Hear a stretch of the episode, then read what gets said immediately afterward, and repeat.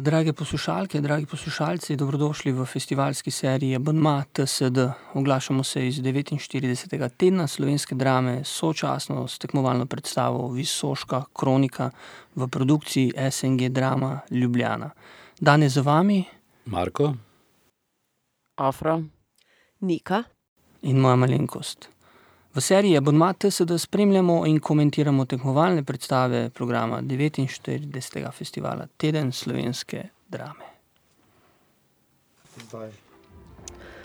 Spremljamo uprizoritev Visoška kronika v režiji Jerneja Lorenzija. Na odru so za veliko mizo, posedeni igralci, od leve proti desni so to Klemen Janežič, Nina Ivanišin, Tamara Avguštin in Aljaž Jovanovič. V ozadju predvidevam, da harmonika Janeza Škofa.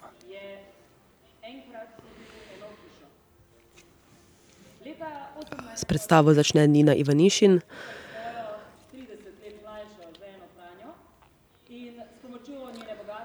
Ki je kar sproščeno naslonjena na mizo, ob njej vrč vode in neka vaza z rdečo rožo.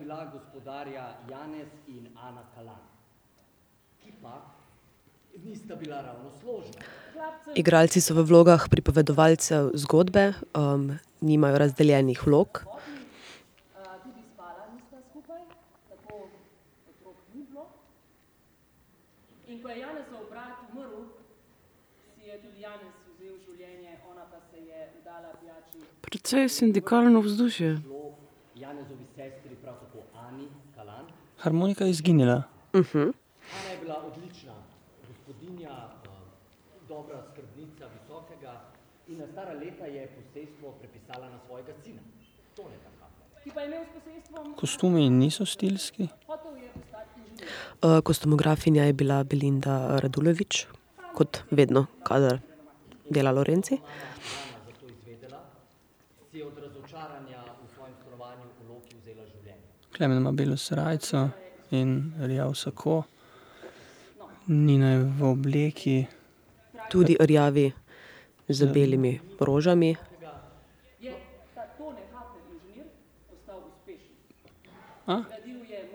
Vidimo, da si lahko preskakujejo in skačejo v besedo, če to ni bil lapsus. Delajmo se, da ni bil. Klemen je vstal od mize. In gre proti rampi. Sedaj se je v, vključil tudi, Aljaž Jovanovič in Tamara Avguštin.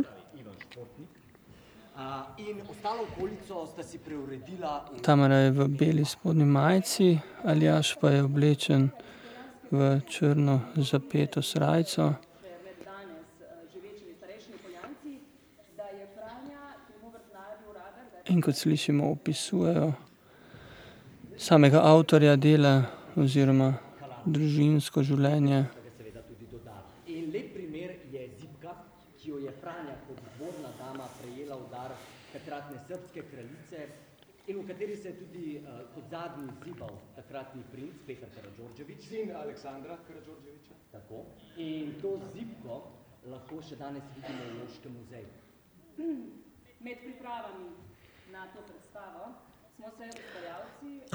zgodil se je metagledališki dogodek, Nina, in Klemen pravkar pripovedujeta o tem, kako so se pripravljali na, predstavo oziroma kako je izgledal, strokovna ekskurzija oziroma terensko delo, ko so šli na izlet na visoko.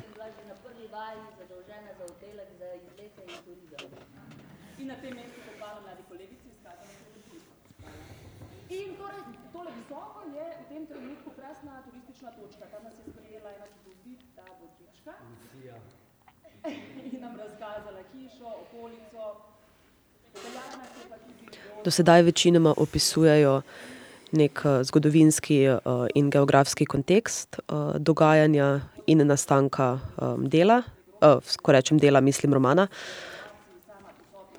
pa tudi lokacije, kjer je bila ta domačija, ta očarjeva, ki jo je kupil in kamor so šli na ekskurzijo študijsko.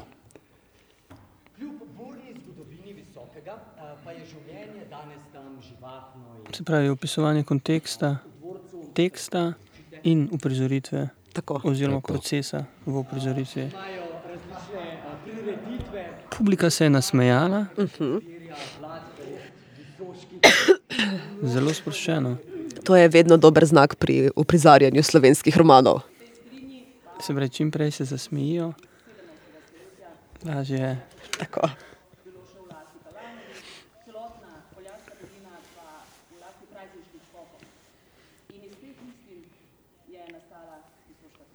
ki pa se začne nekaj let po 30-letni vojni. 30-letna vojna je izbruhnila med protestanti in katoliki in to je bila huda vojna. Statistično na Češkem, kjer se je vojna začela, je bilo pred začetkom vojne približno 30 Klemen sedaj pripoveduje o um, nastanku um, romana in o zgodovinskem kontekstu le tega, torej o 30-letni vojni, ki se je začela na Češkem in potem širila po Evropi. Gre pa za vojno med protestanti in katoliki. ki se začne 1664.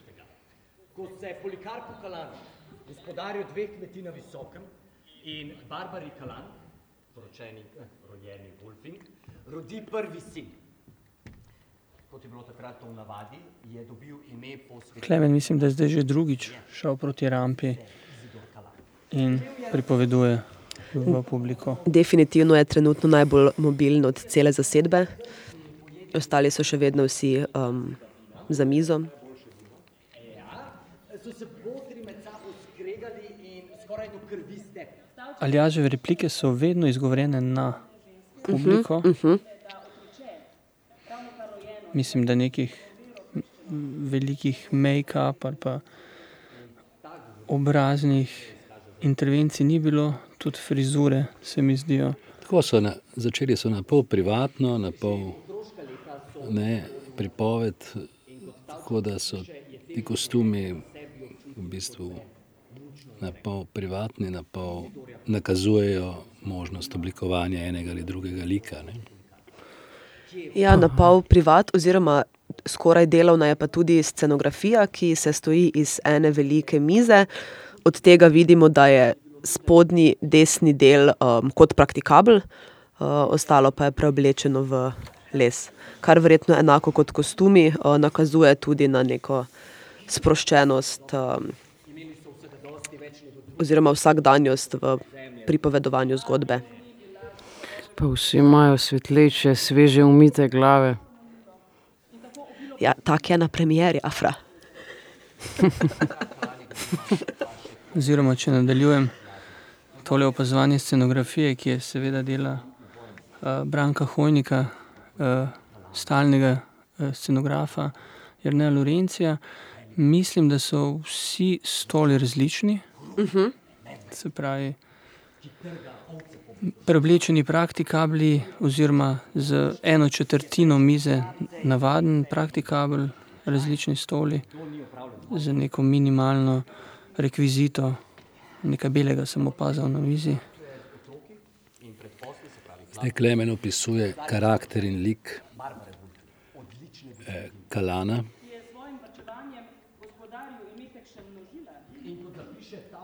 Ki je bil grob, je sumničav do hlapcev, strok do otrok. Izidor pa ima tudi pet let mlajšega brata, Jurija. In ko se Jurij rodi, Smo na velikem odru ljubljanske drame, uh, osvetljena je bolj ali manj samo miza, se pravi, uh, zidov odra ne vidimo. Torej, velika miza je nekako izolirana iz okolice. Ja, v bistvu deluje, kot da je vse, kar je, je ta pripoved oziroma zgodba. Je pa z lučjo in scenografijo vse tako, um, um, da bi lahko bilo, bilo, bilo to kjerkoli, v bistvu ne, ne bi, um, ni postavljeno v kontekst nujno velikega odra drame ali gledališča sploh. Da. Se pravi, dva para se pogovarjata za družinsko mizo. Tako.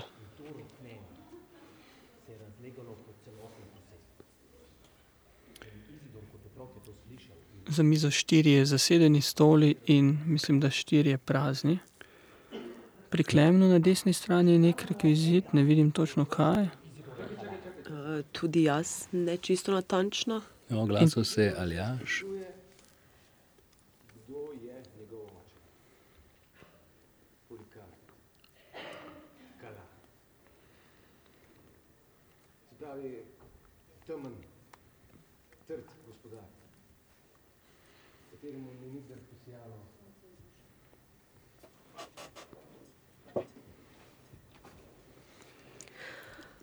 Aljaž je začel s pripovedjo, ki se odmika od zgolj opisovanja, ampak se začne poglabljati v neko neke karakterne lastnosti ali pa mogoče celo v kar neko eksistenco. Do sedaj smo bili priča bolj vizualnim karakteristikam prostorov, lokacij ali časa ali oseb. sedaj pa začenja tudi z... Vstopa v vlogo Kalana.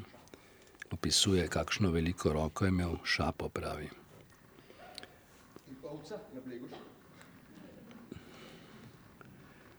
Stalno komentira znotraj pripovedi, ironično celo.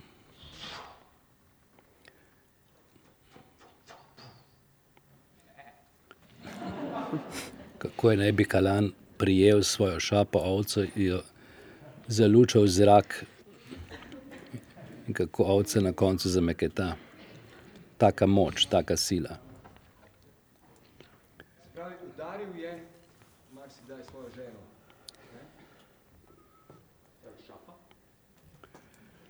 Zdaj je Tamara vstala kot žena, mislim, igra Aljaževo ženo, tako da lahko pokaže, kako jo je udaril. Udari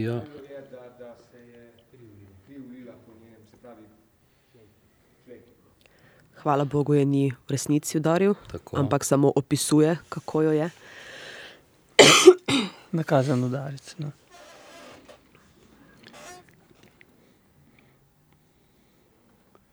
zdaj bo še enkrat ne udaril.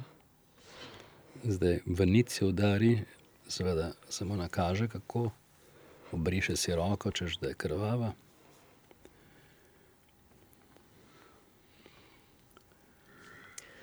Aljaž je vidno fasciniran nad Kalanovo šapo in močjo. Še vedno skuša zdramatizirati dramski trenutek, ironično. Mati Barbara ga prvič pelje v mesto, v Loko. In ko prispeta tja, se Izidor prvič znajde na trgu.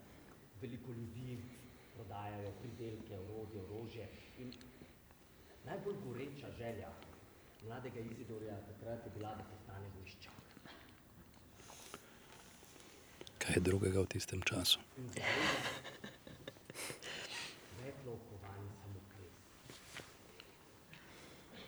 Kupite mi ga, vzdihne, Oče zapiše, mati pa mi je položila roko na ramo in rekla: "Kako naj ti ga kupim, ko bi pa morala zanj plačati cel beneški cekin."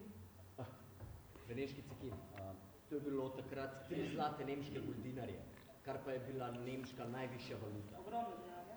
Ogromno denarja, samokresa nista kupila.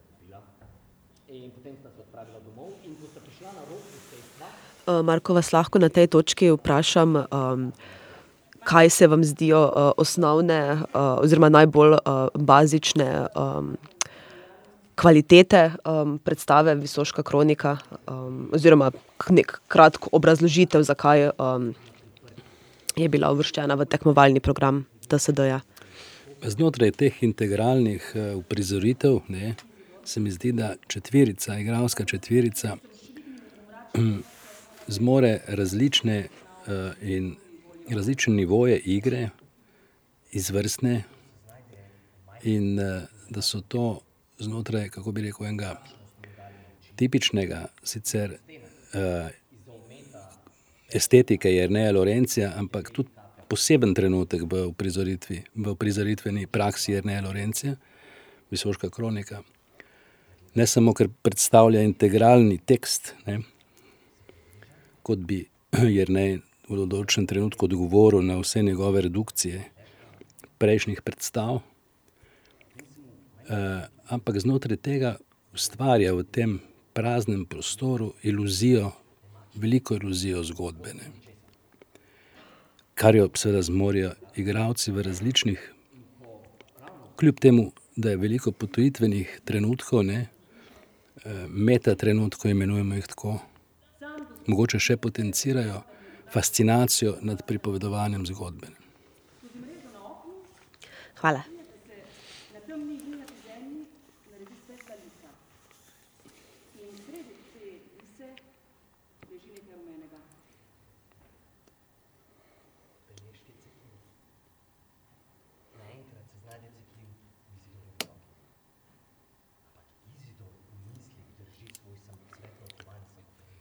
Izidor, Kalanov sin, se je spustil v neki prostor, kjer je našel skrinjico s cekini, ne, in videl ta cekin, s katerim bi si lahko kupil pištolo, ampak oče ga zasači in ga zgrabi za roko.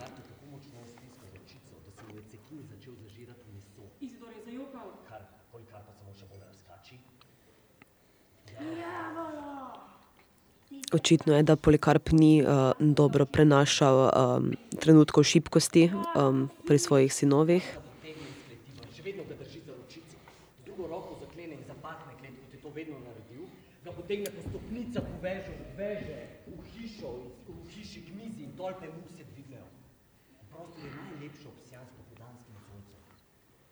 Klemen preigrava to situacijo okoli mize oziroma z Nino v tem trenutku, tudi na mizi, z rokami, ne stoječ.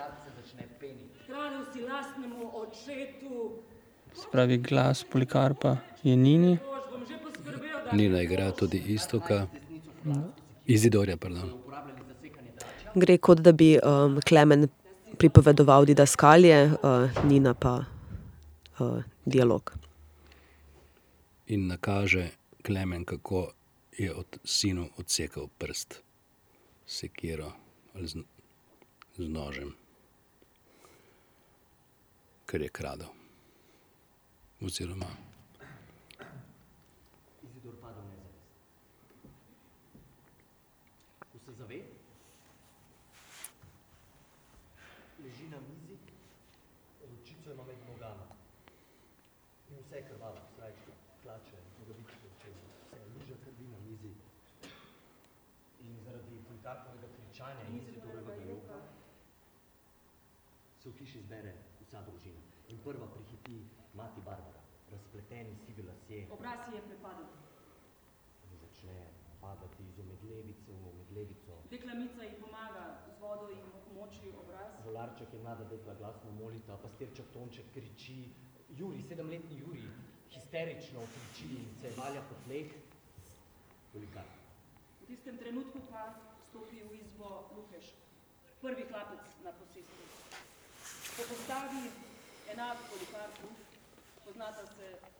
še od vojne.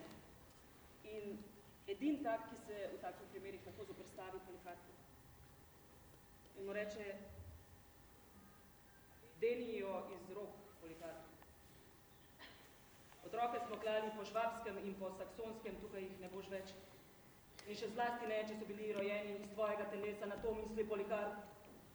Pa bodi človek in ne živina." Po incidentu, ko je Polikarp svojemu sinu odrezal prst, se je v prostoru zbrala vsa družina,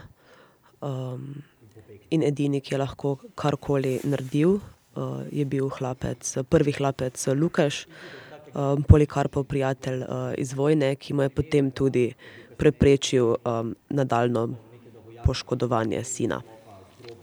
In tekst, Lukežev tekst je ponovno povedala Nina.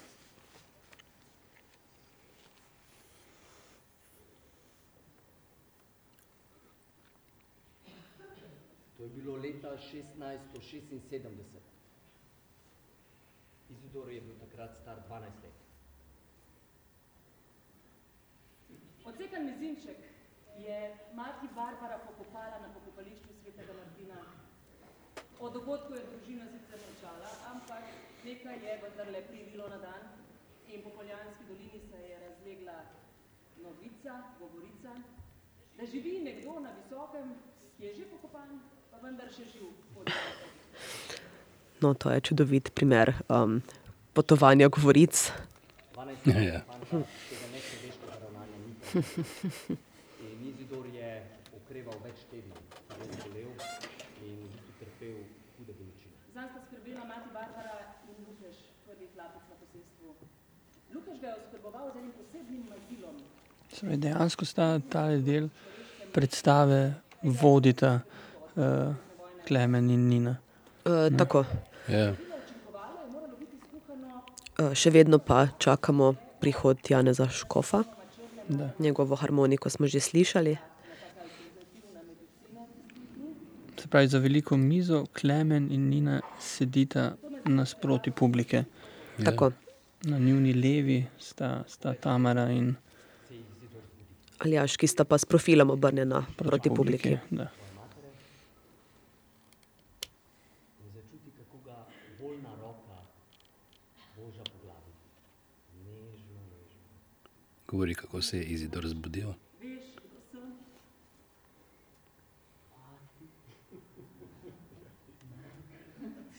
Tega obraza ne bi prepoznal, med nešteto množico bi prepoznal ta obraz. Vprašala ga je, če bi kaj jedel. Hotela mu je pripraviti bel kruh, eh, namočen v v mleku, kar se je sicer jedlo samo ob praznikih. Ampak Izidor ni bil lačen. Je imel pa eno prošljo. Oče naj pride. V tistem hipu pa se je zgodilo nekaj res nenavadnega.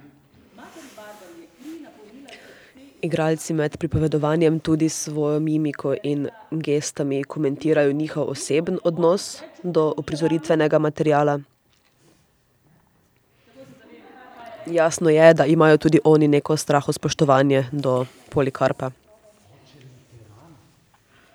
To pomeni, da nikoli ne bo prišel v nebesa in, in vsi ga bodo obsojali, če, če dve grajski glavaronoki ga bodo, ga iskat in odsekali mu bodo glavo, to najlepšo in največjo glavo.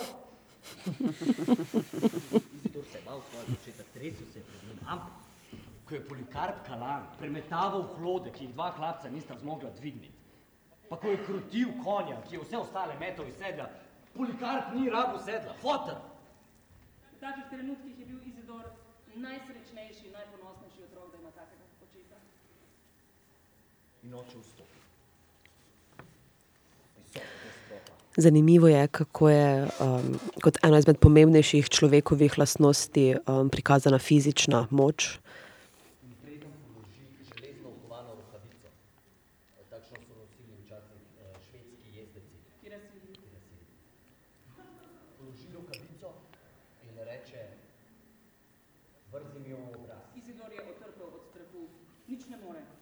Ampak, ker se je očetu že začela delati znamenita guba na čelu, ki je napovedovala strašno jezo, in ker je Polikarp še enkrat rekel, je otrok pograbil rokavico in naslepo vrgel v smeri očeta, da ga je zadev naravnost v čelo. Lugar ko prereže čelo, kri se mu ulije po obrazu in reče, pravično je, da me z zaničevanjem kaznuje moj lastni otrok. Nato se Polikarp skloni k ročici otroka Se pravi, didaskalija je zdaj prevzela Nina, uh -huh. tekst pa junakov tekst je pa Klemno. Klemen tudi s telesom uh, in gestami nakazuje uh, oziroma fingira neka dejanja, premike. Da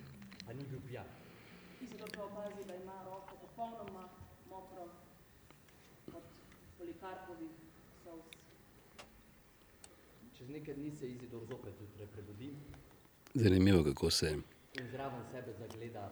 svetlo, Ta- moškost mora dokazovati vse z neko, dobro, takrat še sploh, če je to bil vojak, stalno v vojni, ni poznal drugih dimenzij komunikacije, čustvene. Ne? Ampak ta, no, zdaj bo povedal Aljaš Jovanovič, kdo je pravzaprav ta Polikarp. To je nekako um, zaenkrat zgleda kot osrednji motiv Aljaževe vloge v narekovajih. Um, spet namreč pripoveduje o tem, kak je bil Polikarp.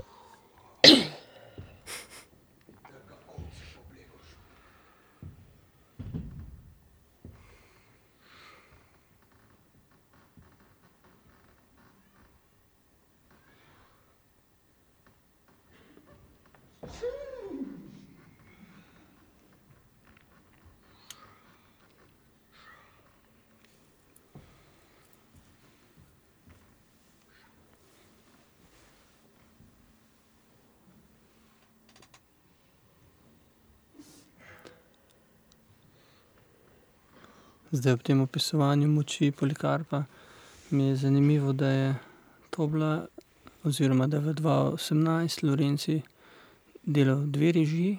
Ena je bila Visoška kronika, ki jo spremljamo, druga pa je bil Macbeth v SNG Opera in balet Ljubljana. In črni Aljaž Jovanovič ni Macbeth, ampak je pa šel na mizo in se ulegel na mizo.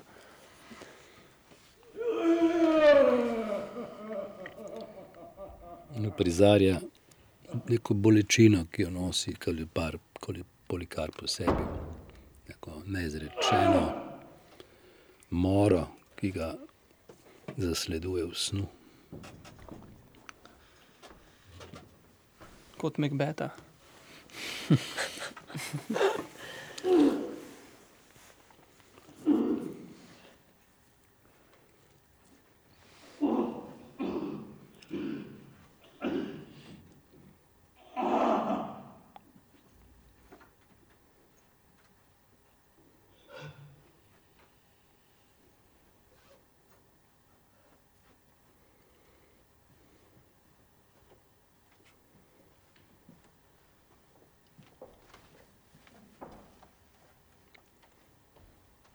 Spet je vstal na mizi Aljaž. Ostali trije ga opazujejo. In spet smo pri veliki šapi in moči glave družine. Je vzel en kramp zdaj Polikarp, ali kaj? Ja, roke ima nastavljene tako, Ja. kot da bi držal kramp, sekiro. V glavnem neko težko orodje. Je. Krampa bo, ja.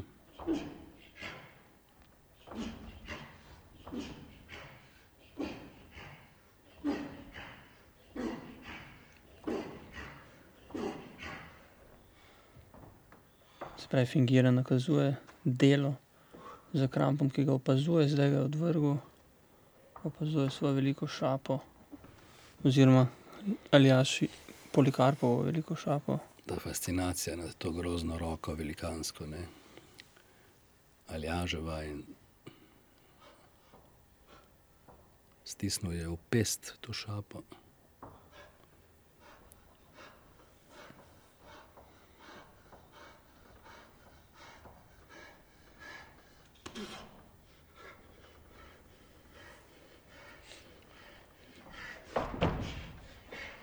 Da se zapomniš, kdaj si kradel! V resnici mora je to, kako je, njegova mora je to, kako je odsekal prst sinu, ne. To ga zdaj muči in nekje obnavlja to gesto znova in znova v sebi.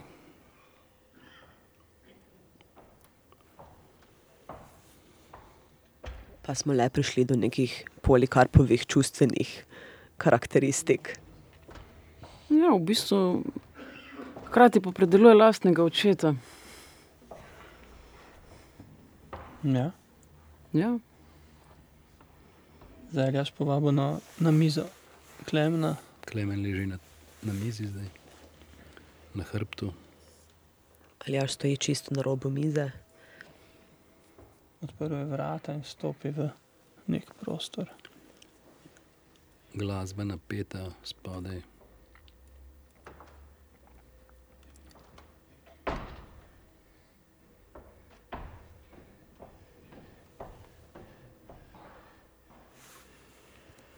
Aljaš se je postavil nad Klemna. Vrzi mi obraz!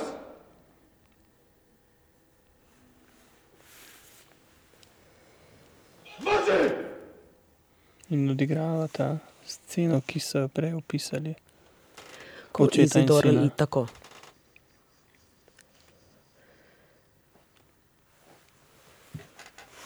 Ko Izidor leži bolan um, od poškodbe in ga oče obišče.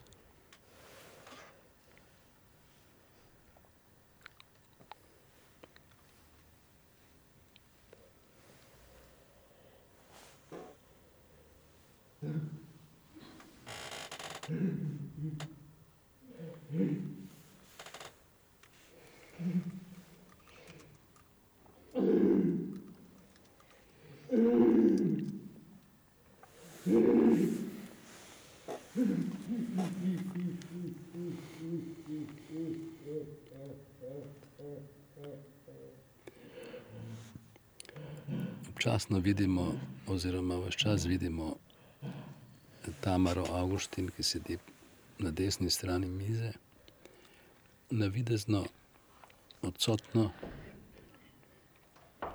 ampak vse čas z neko prezenco upeto v dogajanje. Deluje, uh, za meni, kot da bi se hotela uh, zanimanjem spremljati dogajanje, ampak do njega skozi postavlja neko distanco. Absolutno. Ja.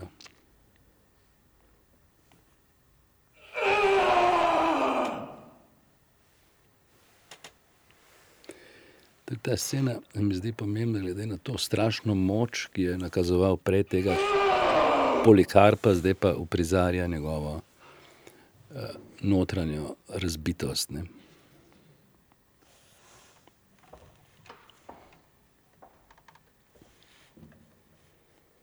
In več čas uprizarjajo, ne, kako bi rekel, ni. Tako zelo staro zavezen feeling.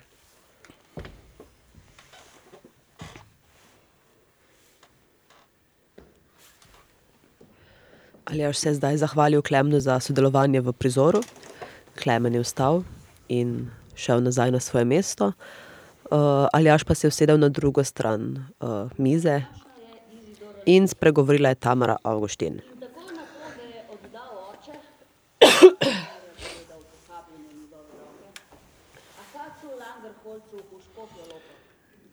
Ta je imel svojo Mislim, da je, da je zdaj zmeraj manj tega odstopanja od torej tega stopanja izven igre in komentiranja, vse bolj stopajo zdaj v pripoved, ne? v like. V, trgu lepo novo hišo, v kateri je imel slovečo pivnico. Škofja Loka ima eno najlepše ohranjenih srednjeveških mestnih jeder, ki je tako ostalo skoraj nespremenjeno od požara konec 17. stoletja. Tako da, v bistvu zgleda tako. Uh, Sotoče, Sevška sora, Poljanska sora, spodnji trg, malo višji mestni trg in pa nad mestnim trgom se na takem hribčku dviguje Škofjeloški grad. Tamara je sicer za vlogo v prizoritvi Soška kronika prejela tudi nagrado za mlado igralko na 53. festivalu Boršnikovo srečanje. Uh, Sicer pa je prizoritev prejela tudi um, nagrado za, oziroma Matic Starina je med drugim za uh, dramaturgijo te predstave prejel tudi nagrado za dramaturga in uh, Branko Rožman za glasbo. In Branko Hojnik za scenografijo. In Aljaš Jovanovič. za Tako, igro. in Aljašova Javarič za igra. za scenografijo je dobil za to. V bistvu za vse predstave, ki so bile uvrščene, A. mislim, da so pri vseh treh to sodijo od um, Ja, ja, točno, Lorencijev, Opus, torej Sen in pa um, Visoška, pri Rožmanu pa v to sodi še naš, uh, naš razred Nina Rajič Kranjac. Bogu in njegovi pravi veri.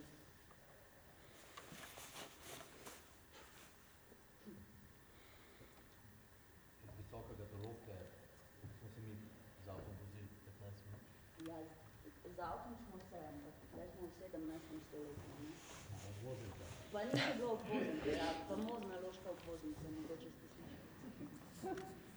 Kakorkoli, v teh treh letih ni Spet smo bili priča nekaj um, potujitvenim efektom, uh, izstopa iz um, pripovedi in navezovanja na um, proces nastajanja uprizoritve. Mojster Langerholz je je skrbel, da ni pohajkoval in lazil za znamenitostmi lepe škofje loke.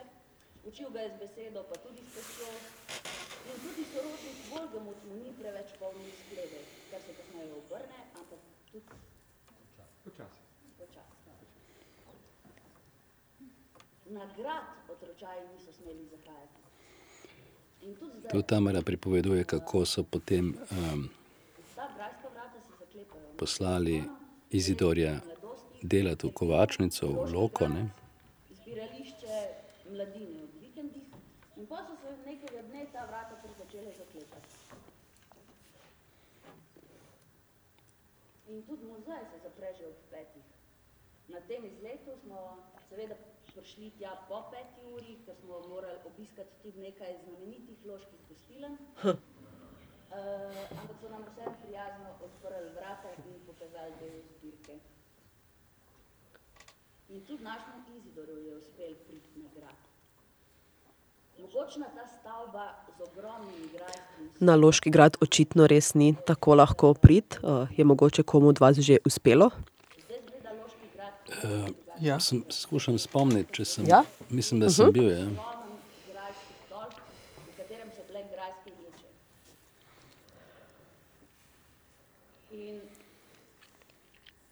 nekega dne je moral Izidor dostaviti grajskemu ječarju Nikolu Švajstrigu novo kladivo na grad.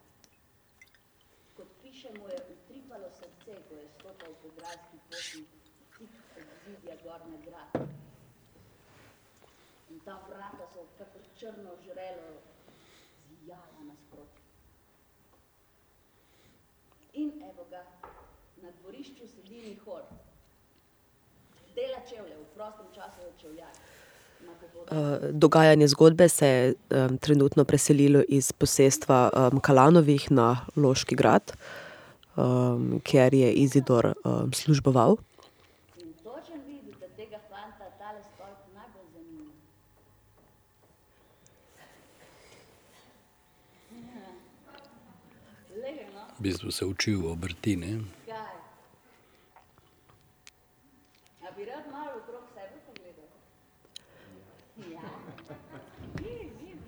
Sedaj v vlogo Izidorja vstopa Aljaš.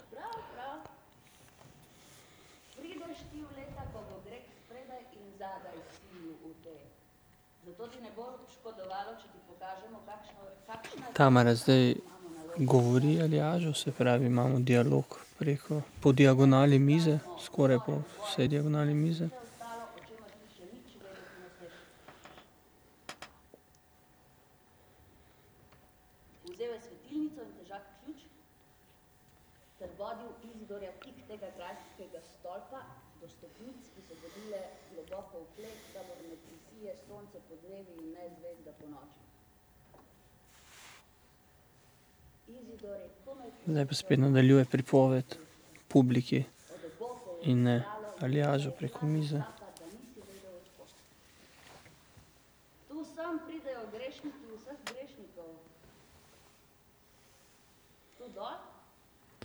Ne znam definirati predmeta oziroma rekvizita rjuhe ob Tamari. Ja, deluje kot nek kos blaga, mogoče plašč. Mogoče kot prt. Ne vem, če. Neki prt je, prt. In nagel, ne? Je nagel? Je, je, v- to pa je. Ok. Bi bilo že čudno, če bi bila kakšna druga roža. Zakaj pa? Ja, Lorenci, nagel, lecdova srca, moka in tako naprej. Prt. Same slovenske zgodbe. prepustimo pravici, da ga zaduši na Gavženku. Gavženk je pa loško morišče. Eh, Gavge so vislice in na Gavgah se gavzne.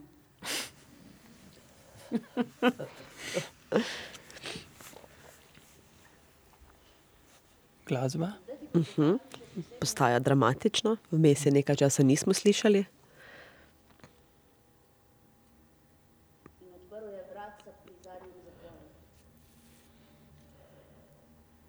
Bila je to prazna, a visoka čumnata, prav kakor v skalo vklesana. Skupaj z vstopom glasbe pa je tudi Tamara spremenila, spremenila intonacijo in način pripovedovanja. opazno gradi na suspenzu.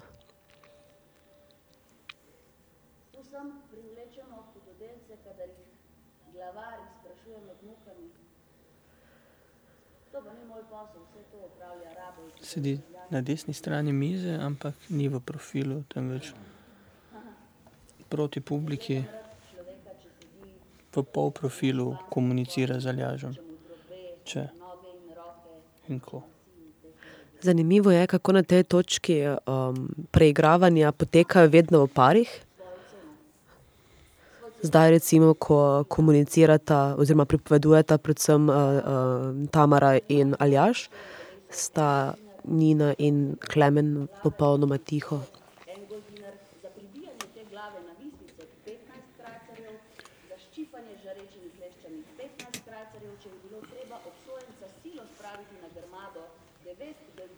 To je neke vrste tudi gušt pripovedi in poslušanja, ne, mislim, kako bi rekel. In dejansko sproščenega komentiranja ob zavzetosti, da to zgodbo poveš čim bolj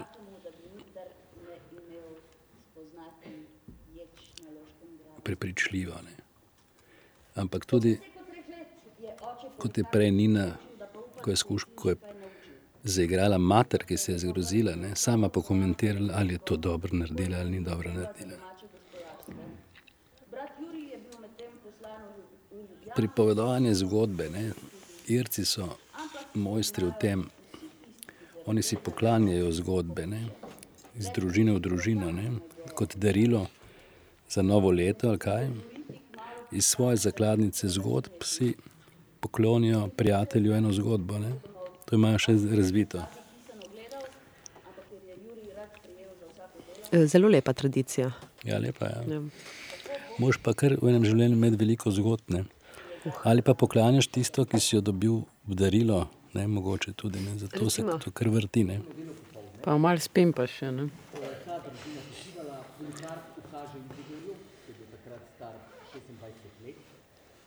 zdaj se je zgodil kar nekajletni časovni preskok. Izidor je star zdaj že šestindvajset let, spet smo na posestvu na Visokem.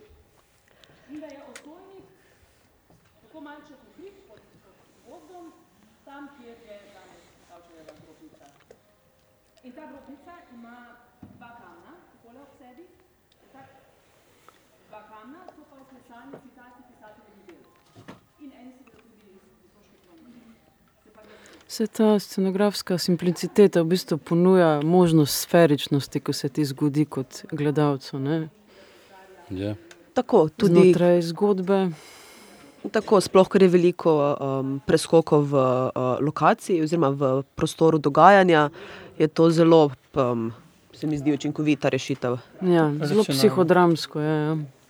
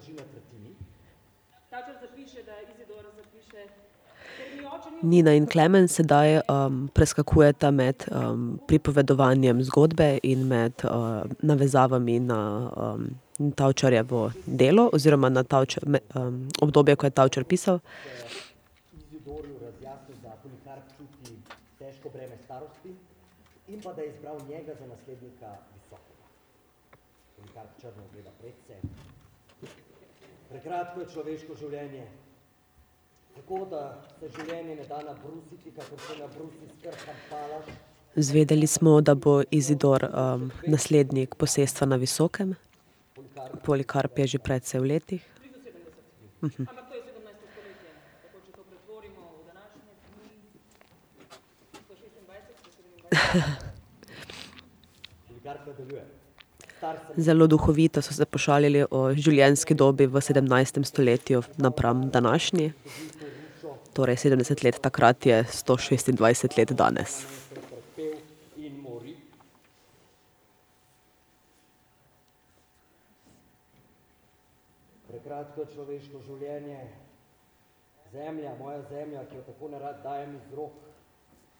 Ostane li pri mojih ljudeh in strmo gledal Izidora?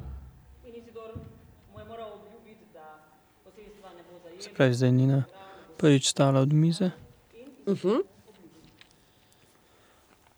S so Nemci naseljeni Stoji ob svojem stolu in je v dialogu z Klemnom, ki se na stolu zlehno obrnil proti njej, na, na levem vogalu te mize. Klemen pa zdaj govori Izidorjeve in Polikarpove replike, tudi s telesom je tako. Um, telesni drži nakazuje na um, Polikarpovo držo um, v dani situaciji.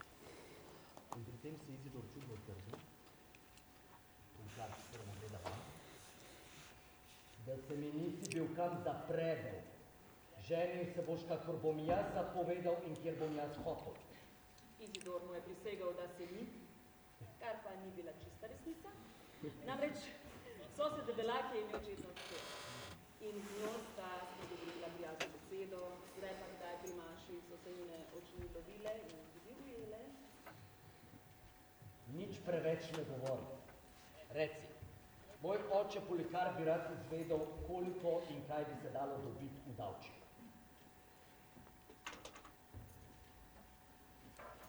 In čez dva dni, ko je bila pšenica požeta, sta se Izidor in Lukeš odpravila na pot v Davče.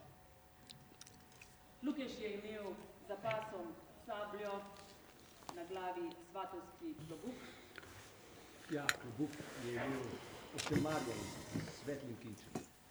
visage sta napolnila z lepimi pogačami, Izidorju pa je ob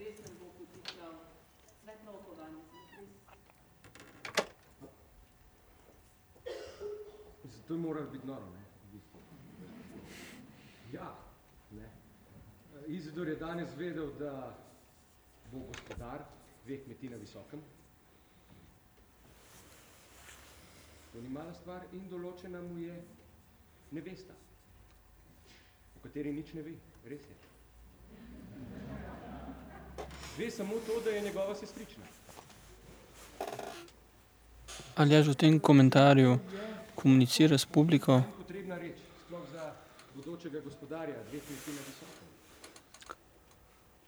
Te misli, pričakovanja, upanja so šla Izidorju po glavi tisti dan, ko sta šla na pot v Davčo. In da je stvar še mečkam bolj zapletena, sta morala iti po stranskih poteh, uh, mimo Blegoša, skozi Sevco, v Davčo. Zakaj? Zato, ker stvar še ni bila dogovorjena in oče Polikart ni hotel, da bi visoko prišlo v jezike, ne? posebej ženske. In sta hodila, pa še nekaj je treba vedeti, da Izidor na tako dolgo potovanje še ni šel v življenju. Najdlje je šel do Loke, ne? To pa je bilo, se pravi, imel nek rajze fiber, mrzlico. Pa še peš sta hodila, nista smela jahati. Skozi gozd. Nista prišla v gozd. V gozdu tiho, kot v cerkvi. V bistvu je taka lučka v prosekturi. Kot kje? V prosekturi. A ni malo tako? Nekaj med zbornico pa prosekturo. Ptice iz temnih vrhov, to morajo biti neke kavke. Kostumografija je pa zelo nekontemporalna, zato da lažje človek eh, čase med sabo v glavi prepleta, ko posluša. Ne? Absolutno.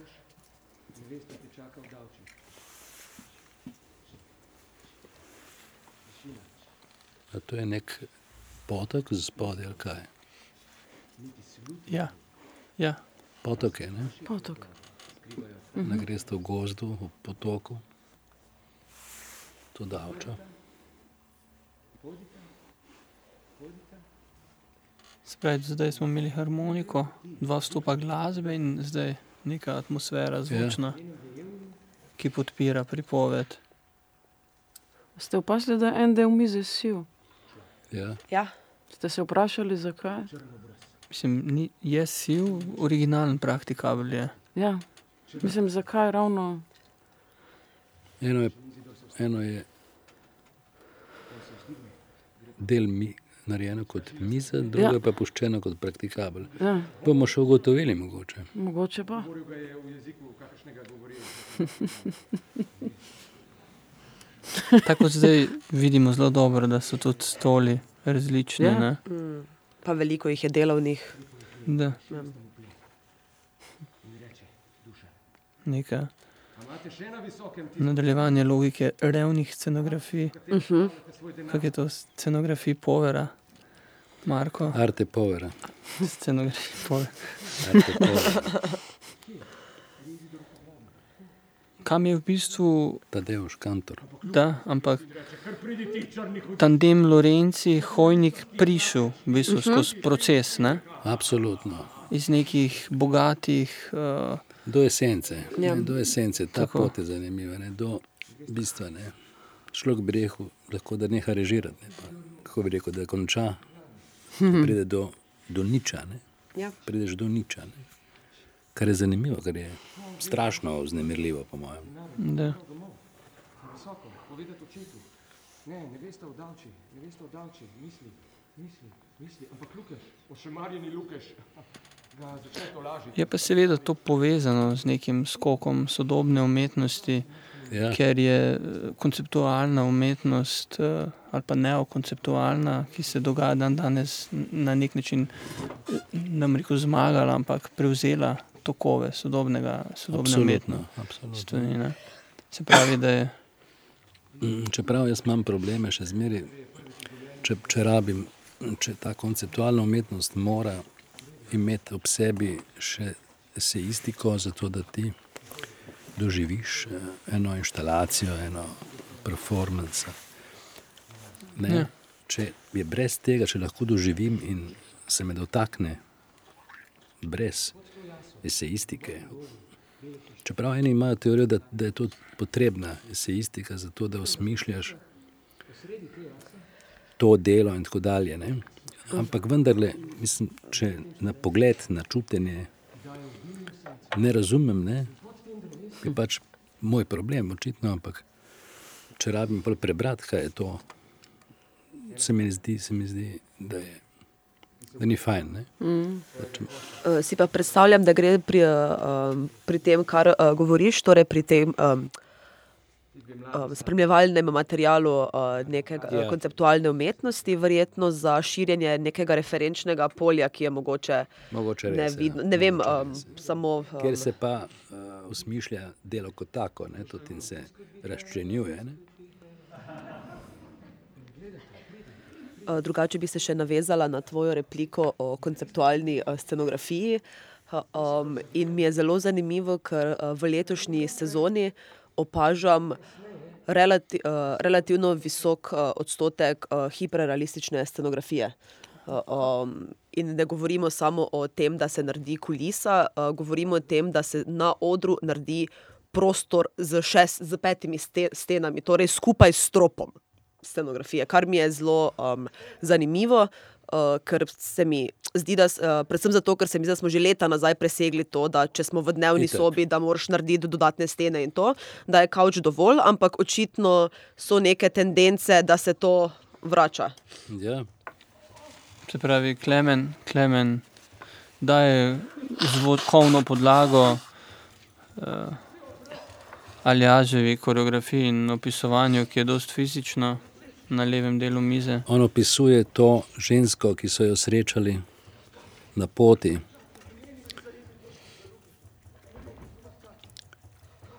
Ki je neke vrste šamanka, ne? Da. ki pozna nek, neko skrivnost te družine. Ne?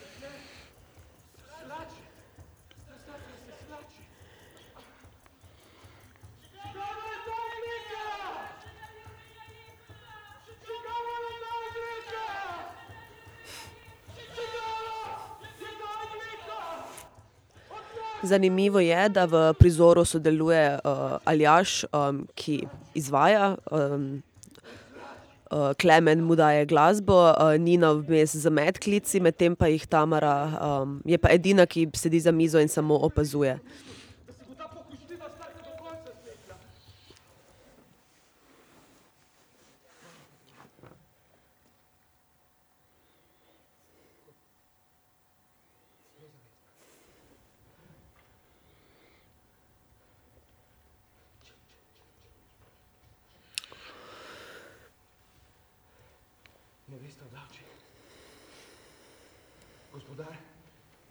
Kmetij na visokem.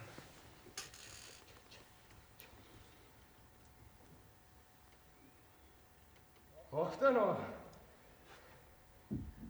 stara pasavrca. Stara pasavrca. Starka, ki se oklepa svojega koška, kot da bi imela v njem zaklade. To bomo na koncu videli, kdo je ta stara pasavrca. Ne? Mazila iz človeške masti. A? In v tem trenutku se zbudi ženska, ki je preplesala, zbudi se in hoče žganja, ki ga imamo mi v sabo in začne na duša.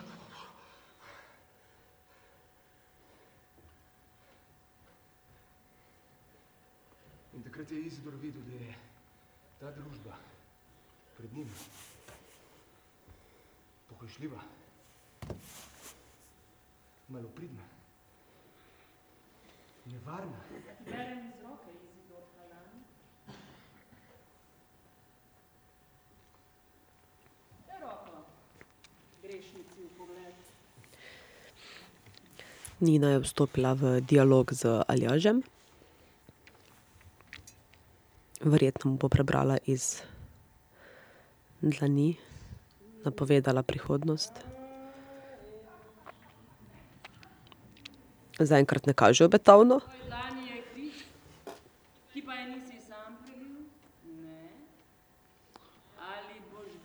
Dlani sta nad mizo in v neposrednji bližini Klemnovega pogleda in grdo boš umiral? v vogalu, desnem vogalu oziroma levem vogalu mize. Napovedala mu je pač strašno obsodo. Ne? Pot, ki jo hodiš, je prazna pot. Izidor Kalan. Pot, ki jo hodiš, je prazna pot. To govori njene besede zdaj.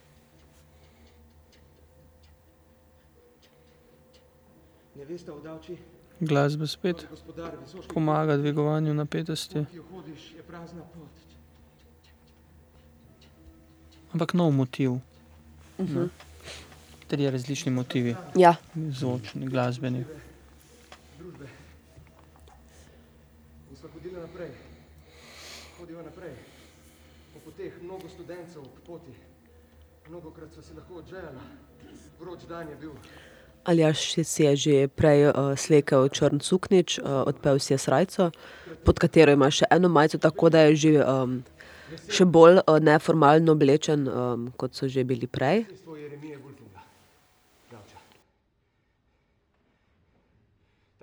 Drage poslušalke, dragi poslušalci, še vedno spremljate abonma TSD. V seriji Abonma TSD spremljamo in komentiramo predstave 49. tedna slovenske drame. Vstopiva v hišo. Prazna hiša. Muhe, roje muh. Vroče. Nikogar ni. Razgledujem se okrog sebe.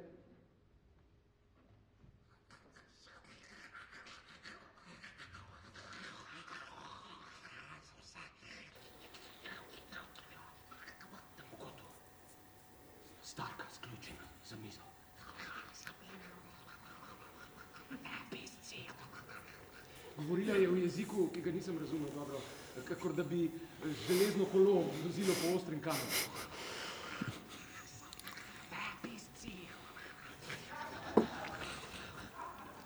Iz visokega sva. Iz visokega sva. Sin je Polikarpa in vaša hčere Barbare.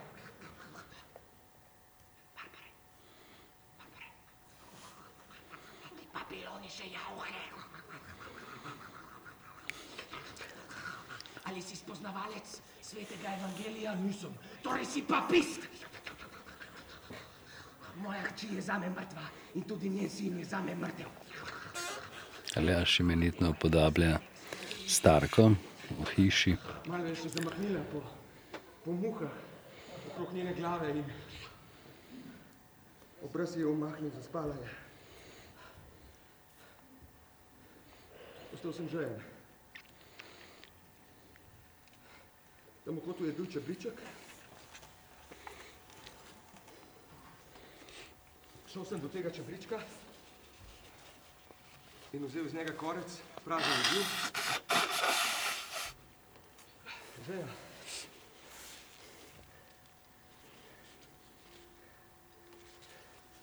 V enem trenutku sem zaslišal vodo zunaj pred vrati. Spet slišimo glasbo, tokrat klavirsko spremljavo.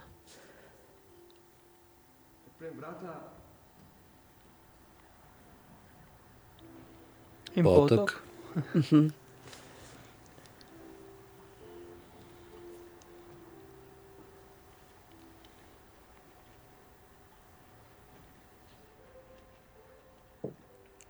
tam je bilo dekle. Pralo je perilo, Je klavir, ampak se mi zdi kot neka parafraza. Mm. eh, Cvetje Ja, veseli. ja. Tudi Ja. ja. mene na to spomnila. obrnila se je proti meni in ni bila ravno pražnje oblečena, zato sem videl, kako je kri zalila vrat. Je pa res, da je verjetno um, cvetje v jeseni en izmed najbolj referenčnih primerov za um, romantične situacije na slovenskem podeželju. Tavčarjeva zgodba. Ne?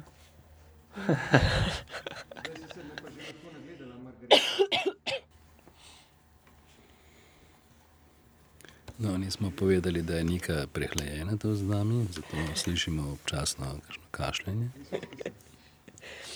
Pa brisanje nosu. Oče je govoril o tebi. Tudi moj je govoril o tebi. Zelo lepo prizorjeno to prvo srečanje Izidorjevo z svojo sestrično. Romantično. Ampak ne pa patetično. Absolutno ne.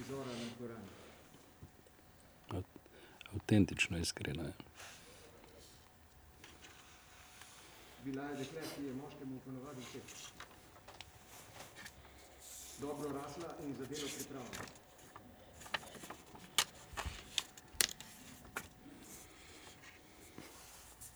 Malo sva se še pogovarjala.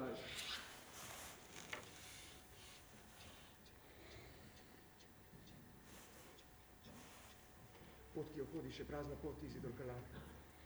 Novi gospodar dveh visoških kmetij.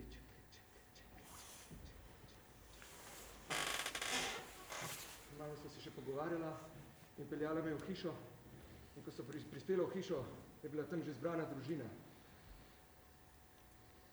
Modre oči. Jeremije Wolfinga. Gospodar in za njim njegova druga žena, Margaretina mati, prideta do mene in me pokrižet- križata. Starka, ki je prej zaspala ob mizi, je zdaj že na peči.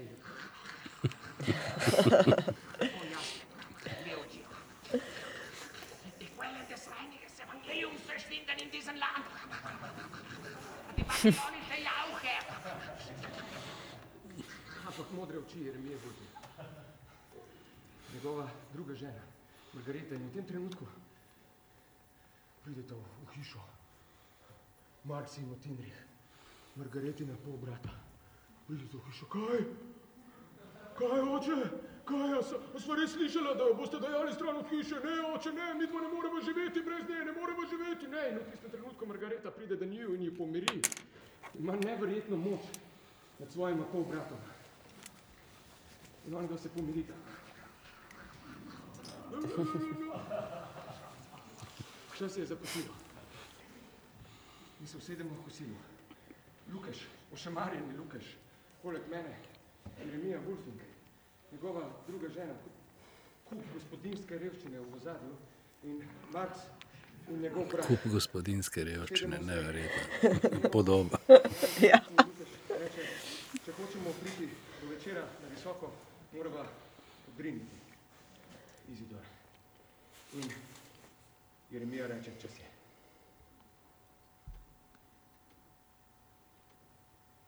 Oče me je poslal, da mi poveste odgovor na tisto, kar sta se dogovarjala na dan svetega Jakoba v Loki.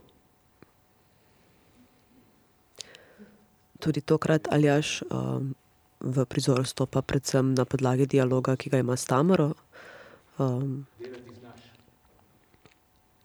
Margareta ne zna dobro vašega jezika, ampak v enem letu se ga bo že privadila, ker se gospodinja ravna po svojem gospodarju.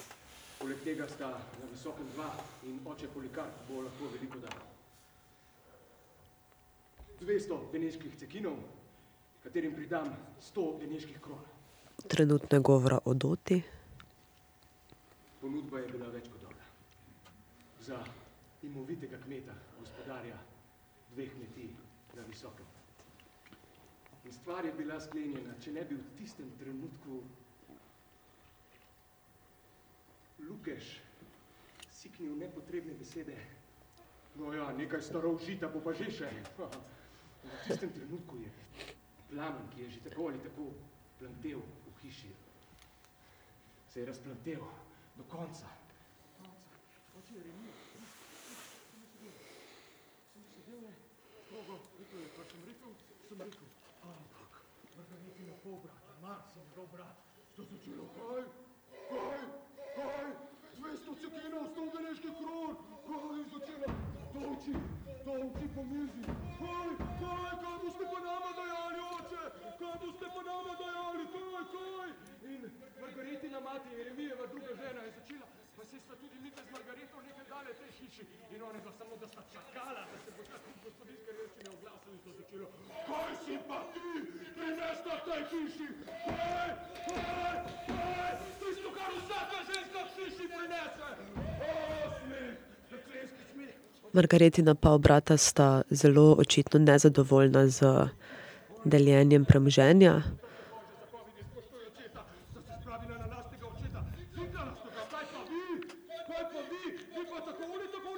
Kričita tako na očeta, um, žalita in zmerjata uh, Margareto in njeno mati.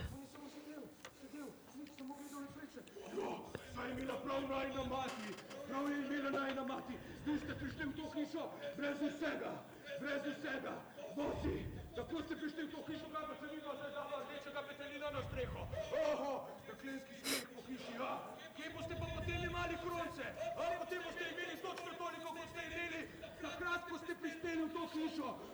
Татлиенски смех, татлиенски смех. И ноче Еремия само да е я чакал та тренутък.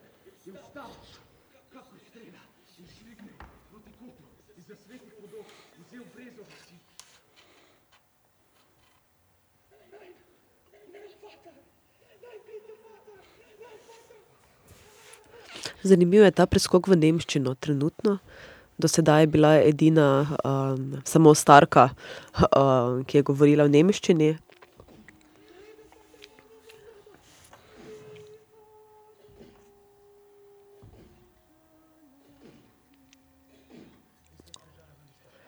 Slišimo pa tudi prvi um, primer vokalne izvedbe glasbe.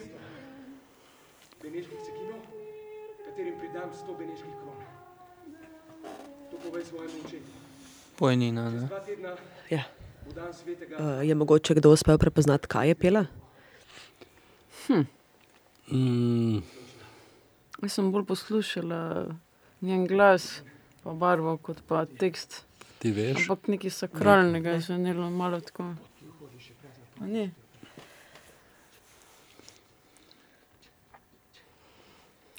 so prispela do dela, kjer se pot prevesi v dolino.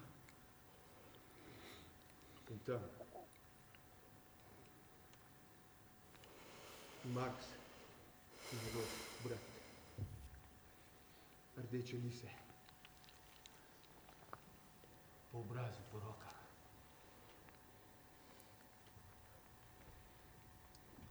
Kaj, a? Kaj?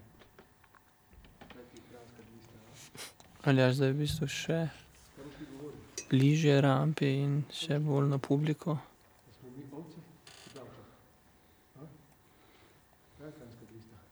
Se pravi, miza je za njegovim hrbtom. Vsi, ki sedijo za mizo, ga opazujejo hrbet. On pa govori publiki.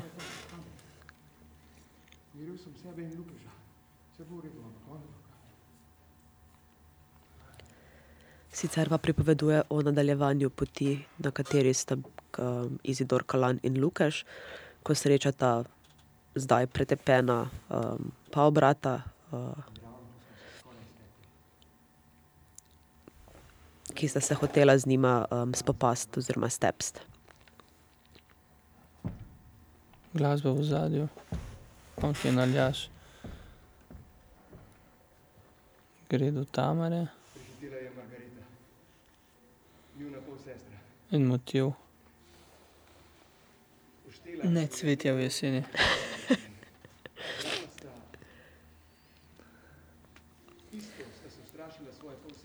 Prihod Margarete je očitno um, prestrašil oziroma vznemiril vse štiri moške. Um, jasno je, da ima neko moč nad vsemi.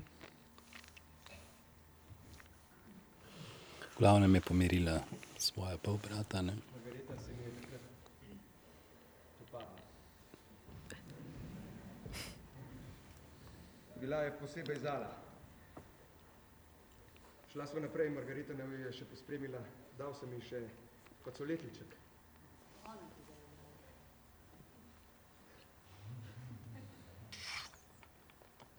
Ja. Dala mi je facoletliček, To je robček. Aha, mestne sem ravno svoje hotela vprašati. Robček, Hvala. ja. In v tem okay. facoletličku je bila pogača.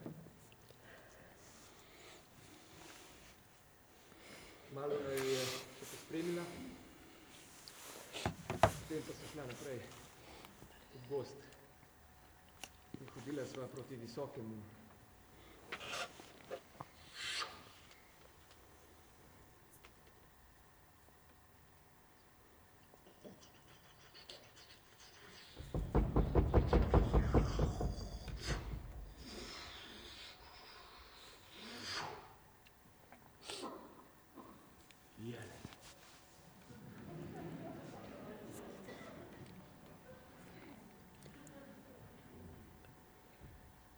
Zvečer sva prispela na visoko in očetu sem povedal vse, kar smo se dogovorili tisti dan v Davču.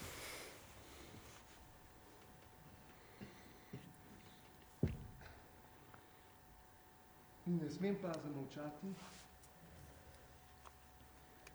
Zadnje čase lahko sicer na slovenskih odrih spremljamo veliko uprizoritev, ki so strukturirane okoli uh, neke družinske sage. Um, jaz ne vem točno zakaj, verjetno tudi zaradi podob uh, v zasedbi, ampak me Visoška kronika precej um, asociira na imenu matere. Ja.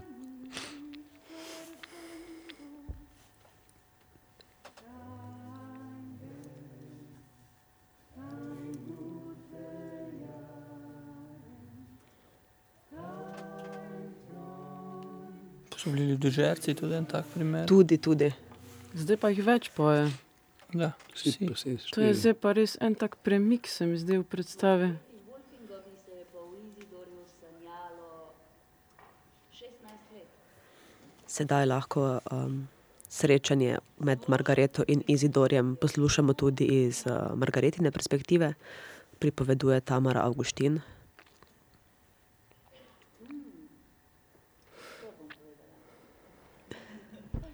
Margareta Marjetica Meta. Po grško Zdaj sem ujet v tistem razmišljanju o teh družinskih sagah, tudi tri zime, oziroma če ja, potem pogledam, od kaj takrat nekako naprej se mi zdi, da je to zdaj postal Ja. vedno večji trend. Ja. Prej je bil Buljan zelo osamljen um, Da. v tej specializaciji, ampak se letos je v bistvu dramina sezona precej posvečena um, temu oziroma nekim družinskim um, Ja, odnosom. To Mislim, je, Ne, gazbo, da recimo, Ja, recimo, dih, ja. dih. Mislim, tudi če pogledam, zdaj, ko je bil omenjen Ivica Buljan, Tudi v- Jugoslavija? V, v, da, Jugoslavija, tudi v Zagrebu, v HNK-ju. Tam je tudi, so tri zime, tudi, uh, tudi ciganin. Točno, so v bistvu tako. vse neke daljše družinske.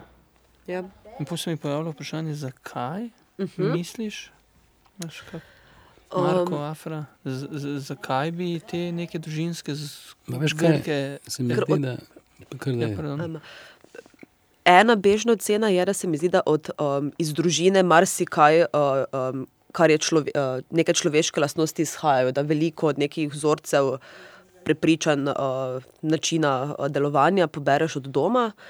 Um, potem v teh uh, daljših sagah, kot so recimo pa tudi Visoška, pa v imenu matere, pa se mi zdi, da gre tudi za nek um, pregled uh, daljšega časovnega obdobja, znotraj katerega se potem um, tudi odnosi spreminjajo. Um, se mi zdi, da potem tudi kot neka zgodovina, um, pa ne nujno naroda, no, recimo, uh, da lahko spremljamo. Uh, Marko, kaj ste pa vi hoteli uh, reči? Ne vem, zakaj me vikate, meni še jasno, ampak Bom nehala. bom ugotovil, upam k malu. Ja, doma so me naučili, ne, da moram starejše um, vikati. Hvala Tu je za mogoče ta odgovor. Zakaj družinske? ne? Zakaj je družinska? Vidiš, to je to, ja, mogoče. Nukleus je ne, najmanjši družbeni nukleus. Ki je Je družina. metafora kozmosa, ne, mislim kozmosa, sveta. Ne. Tako da je. Tamara govori, Naj, največji reflektor na svetu. To kar je v teh ameriških filmih, veš, kaj je tako ogromen in ko se pržge, ko naredi tuš, ta luč, ki ima zvok, to, to je on. tako ga je. Miha, ti si že oblikoval, da je tako luč, ki ima zvok. Ja, v bistvu se jih v, v teatru izogibam, ker vsi moving headi in voši imajo grozen zvok. In Ja. sem, v bistvu jih ne uporabljam, uh Mhm. -huh. zaradi tega, ker nočem tistega šuma, ker mi je prav všeč tišina na odru in tole. Tam se slači, ni bil prt, tista beli Obleka. kos. A, poročna bila obleka. Kako jasno. ne? Skratka, izraža eno navdušenje nad Izidorjem, nad to možnostjo, da Ni, ni naj pomagal v obliko. To bi bila ena fajna nadaljevanka, ne? Visoška kronika, ne? Ja? Bi jo naredil nadaljevanka. Zaenkrat imamo, kaj imamo? No, zdaj bomo imeli jezero, ne, ne vem, če imamo že, Uh, mislim, da, je še, da se še snema. Ja. še snema. No, končno nekaj, kar ni, kar ni žlahtna štorija. ali Pa ni, Se pravi, franšiza. ja. Torej, nacionalna televizija res mora imeti na to. Da visoška kronika bi. Aha, pojavil se je rekvizit, kavčka. ker bo morala oditi, ne, ko me čaka, da odide. In zdaj to, to bo fantastično bivanje s tem kočkom. Tu, ne. Njena obleka je pa sicer zelo preprosta. Gre za belo obleko z Prelepa obleka, ja. tri četrt rokavi, z prelepa. oprijeta v pasu in potem uh, navzven. Za najlepši trenutek življenja, ne, v življenju. Takrat, Poroka. za, tak, ja, za nek trenutek Pokore ali poroke. takrat. Ne. No, vsekakor, uh, tako kot je Tamara v vlogi Margarete uh, navdušena, je to zelo očitno, da ji dogodek veliko pomeni. Absolutno.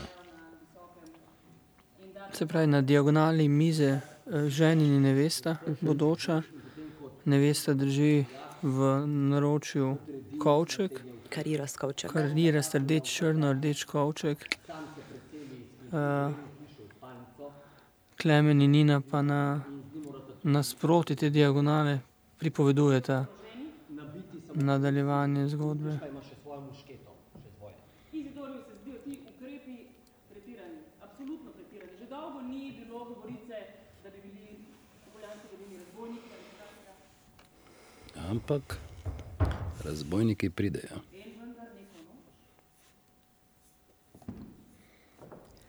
Nina gre na mizo, povabi še Klemena. Pridejo, razbojniki na visoko. Takole tukaj recimo je gost, Horizont, gost, tukaj bi bila hiša, dvorec, prej so bili vrati, vrati, tako. Tukaj so To me spomni malček na Lars von Trierja, ne? kako zarisujejo prostor, ki ga ne vidimo. Ampak že Tamara, oziroma celo uprizoritev se mi zdi, da zelo opisujejo prostor jasno, z, z nekimi širokimi, velikimi gestami, prav vsi. Ja. pride z golim mečem in takoj razporedi Jurija in Izidorja na sprednja vrata, kjer so zapahi močnejši, in Lukeža kot izkušenega vojaka na zadnja vrata. Sam stoji na sredini in nadzoruje situacijo. razbojniki naokrog na zadnja vrata. Zakurijo kres na dvorišču. Dva razbojnika gresta do hleva in spustita dva najlepša. Opisujeta tudi premike um, Štirje cigani s hlodom na zadnja vrata. okupatorja oziroma Napadalci. napadalcev. Hvala. Miza je zdaj nek oder na odru. Mm. Uh, Nina in Klemen pa zgodbo pripovedujeta zelo direktno na publiko, spet ne. bojniki, morajo misliti na beg. Večina jih že pobegne nazaj proti gozdu, Cigan Dušan pa pograbi poleno, ga namoči v kres v ogenj in z njim do mesta, kjer je slamnata streha na hlevu najnižje. Mislim, da glasba spet v zadju. Ta nam hoče dati rdečega petelina v streho, nasloni svojo težko mušketo. Vivat Viktorija! Iz te smeri pa. In Ostina, Sedaj sta um, tudi preigrala prizor zažiganja um, posesti na visokem. In kako Luke že zadane puščica, ki so jo razbojniki izstrelili. Vse to sta pa storila brez rekvizitov. Absolutno. Hočete premakniti. Nekako ilustrirano. Ali? ne hoče ostati na črni Ja, in Lukež začne govoriti. Polikarp kamerat, se spominjaš in našteva bitke, generale. In potem se spomni kamerada, Pečarevega boldažerja. Kako je umiral na, na fronti. nanaša se na 30-letno vojno. Mislil, da je več stopnic do nebeškega kraljestva, pa se pride po njih kaj hitro. Lukež se zasmeje in reče, že vidim, da Mislim, da je neka nič posebnega. Podvojevanje oziroma sinhrono izrek besed, prenos med Klemnom in Nino že večkrat bil zdaj, da se srečata primak in prevzame prepoved, pripoved drug. Ja, tudi zelo zanimivo se mi zdi, kako spretno predstava prehaja med podvajanjem oziroma počrtavanjem v uh, samo neko um, orisovanje. Um, ki smo ga zasegli pri Dahavu in smo rekli, da ga bomo pravično razdelili med seboj na tri dele. Zlagal sem se ti, ko sem ti rekel, da je tvoj delež pri Joštvu Švarcvoblerju, da te je on opeharil zanj. Pravzaprav je tvoja tretjina še zmeraj pri meni. No, to Kalam prizna Lukežu, kako je prevzel en del uh, denarja, ki sta ga oropala za času vojne. Čemu mi pripoveduješ to, kolikar? Dober prijatelj si mi bil, dober gospodar. In jaz sem, ker si imel ti boljšo glavo, obvisel na tebi, kako rob visi pes na svojem gospodarju. ampak res je zanimivo, kako je to je ta nek uh, človeški impuls, da se nekomu, ki je tik pred smrtjo, spoveš oziroma opravičiš, še dokler je še živ, čeprav Ja. v resnici nima več nobenega efekta. Ne? Ja. Prej bi si pešparal, ne verjetno. Tako, tako. Posavčevo dekle mora iti. Na čimžnico, nevecja, pšenice Prste jalova ne bo rodila. in potem Ja, lahko je ljubiti umirajočega človeka. Ne? Ja, če ne bo preveč dela, se ve. Potem ste ga pa polikarpin hotla samo malo podložiti s cunjami, nič več. Pa ga toliko premaknila, da se je. To je Nika. Ja, se opravičujem uh, za ta.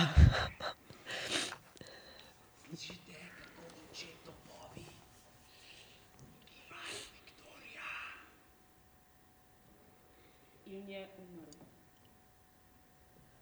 Se pravi, prizor opisovanja smrti uh, sta Nina in Klemen odigrala na mizi, kleče sporedno napram publiki. Podobico svetega Luke, ki jo je našel v Lukeževi skrinji. Pa jo je dež kaj hitro popravil.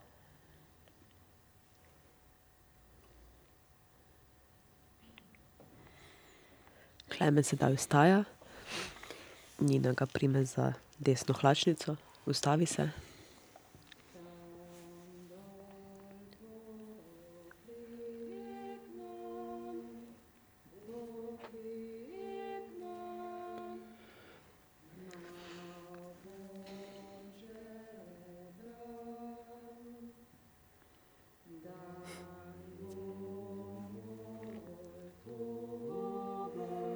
Pravi, troglasno pojejo.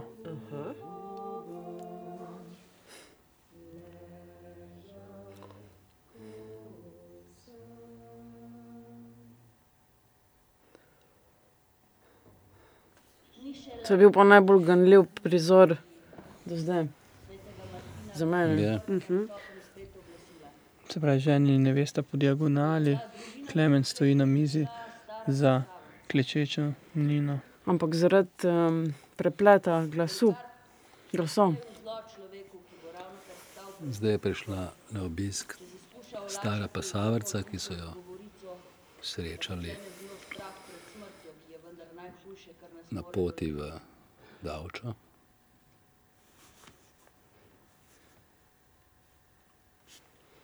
Zapiši.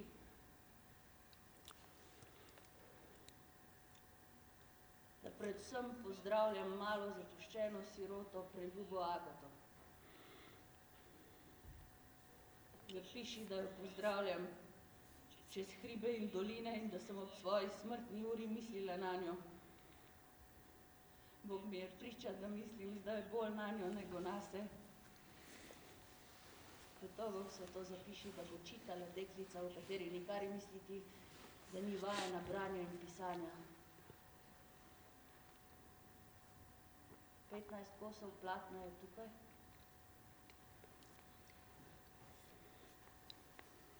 Sedaj je Tamara v bistvu na robu joka, za razliko od prejšnjega prizora, v katerem smo jo videli, ko je bila navdušena, srečna in vzhičenja polna pred poroko, je sedaj popolnoma obupana. Kot pasaverica. Tako igra pa da drug lik, seveda.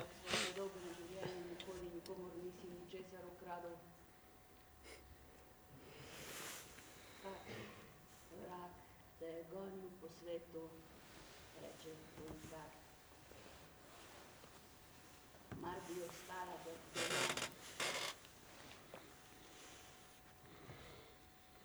Kaj ti veš, kako smo živeli mi na Nemškem? Polikarp ima slabo vest, ne, do nje. Den, denar njenega moža je on pobral, ne, ki sta si ga morala z Lukežem razdeliti, v resnici si ga je pobral.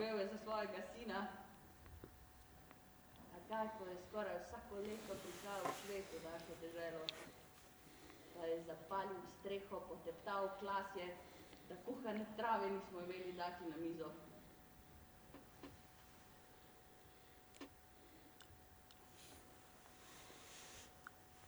Govorilo se je, da iščejo švedi kakor cesarski vojake in da jih dobro plačujejo. Kako se je moj mož odločil iti v vojsko? Mene in otroka je izročil v varstvo dobremu sosedu. Dolgo ni bilo nič slišati o njem. Sosedje so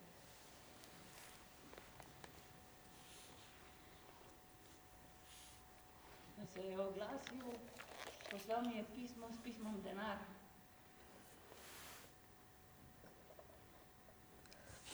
vojni ni hotelo biti konca. Marsikdo se ni povrnil. Mojega smo pričakovali, pa ga ni bilo. Še vedno spremljamo pripoved eh, Pasaverce o tem, kako sta z Agato živeli v času vojne in pričakovali prihod eh, moža oziroma očeta.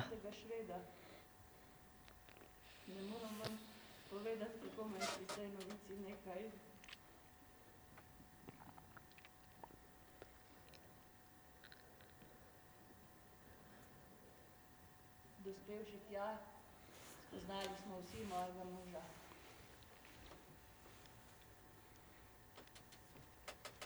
Ostali smo berači in drugega upanja nisem imela, kakor upanje na svojega sina.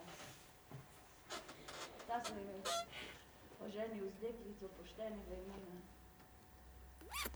Ampak, ima še vedno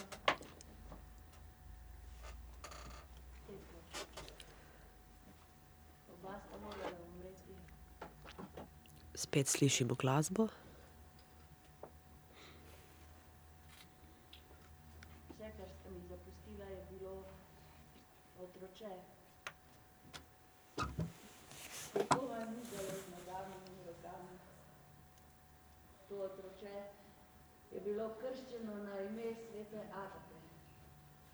In ta otrok se je zakopal tako globoko v mojo dušo, da sem ga raje imela kot vse na svetu. Legetjevski šum glasov v ozadju. je hotela le jesti in jesti. In je pognala svojo staro mater po svetu, da je zbirala vinar za vinarjem, samo da priljubi otrok ne bi stradal. Zato nikar ne povprašuj bolj, kak, kak vrak me goni po svetu.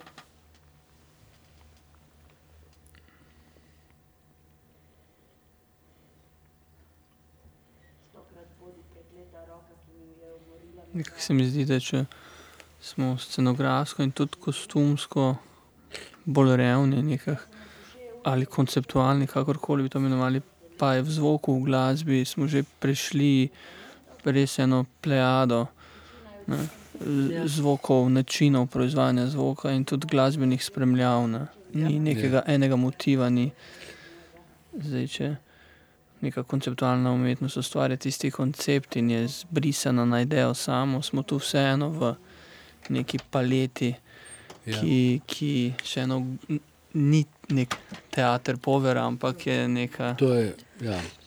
Preseže ta koncept. delal glasbo, kdo je pisal glasbo že? Branko to- Rožman. Bla, Branko Rožman, mislim, t- popolno tista neka klasična ekipa. Ne? Ja, Eh, ist- tudi oblikovanje luči, Tako, Pascal Merat, ja. se pravi. eh, ta. In tudi Gregor Luštek tako, pri dajmo ne koreografiji, ne da ne pozajemo, se pravi. Uh, Radulovič, Rožman, Merat, Luštek, Hojnik, Starina tako. in potem Lorenci, nekaj ta. Ampak nekako se mi je pa zazdelo, da mogoče, če se je scenografsko stvar nekako ne postajala revnejša v, v oprizoritvah te ekipe, Mm, smo pa v zvoku še vedno ja, nekako bogati. Ali, Ne. se je, kakor se sveti sonce na nebu. Rekel je. Marija, pote sem prišel. Marija,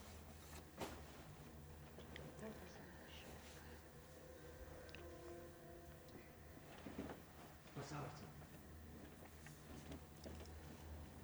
Kot medklic mi je zanimivo, ker smo tole predstavo pod snegom, Saša uh -huh. Pavček, ki jo je uh, Zemljičeva režirala. Se mi je zdelo, da je Tamara bila v eni isti situaciji, kot da aha, ta način, tale, tale deli zgodbe, te vloge so, so Odlična je. ne. njene. Da. Ja. Odlična je. Padel na klop, sklopi pa na tla. In hropil je.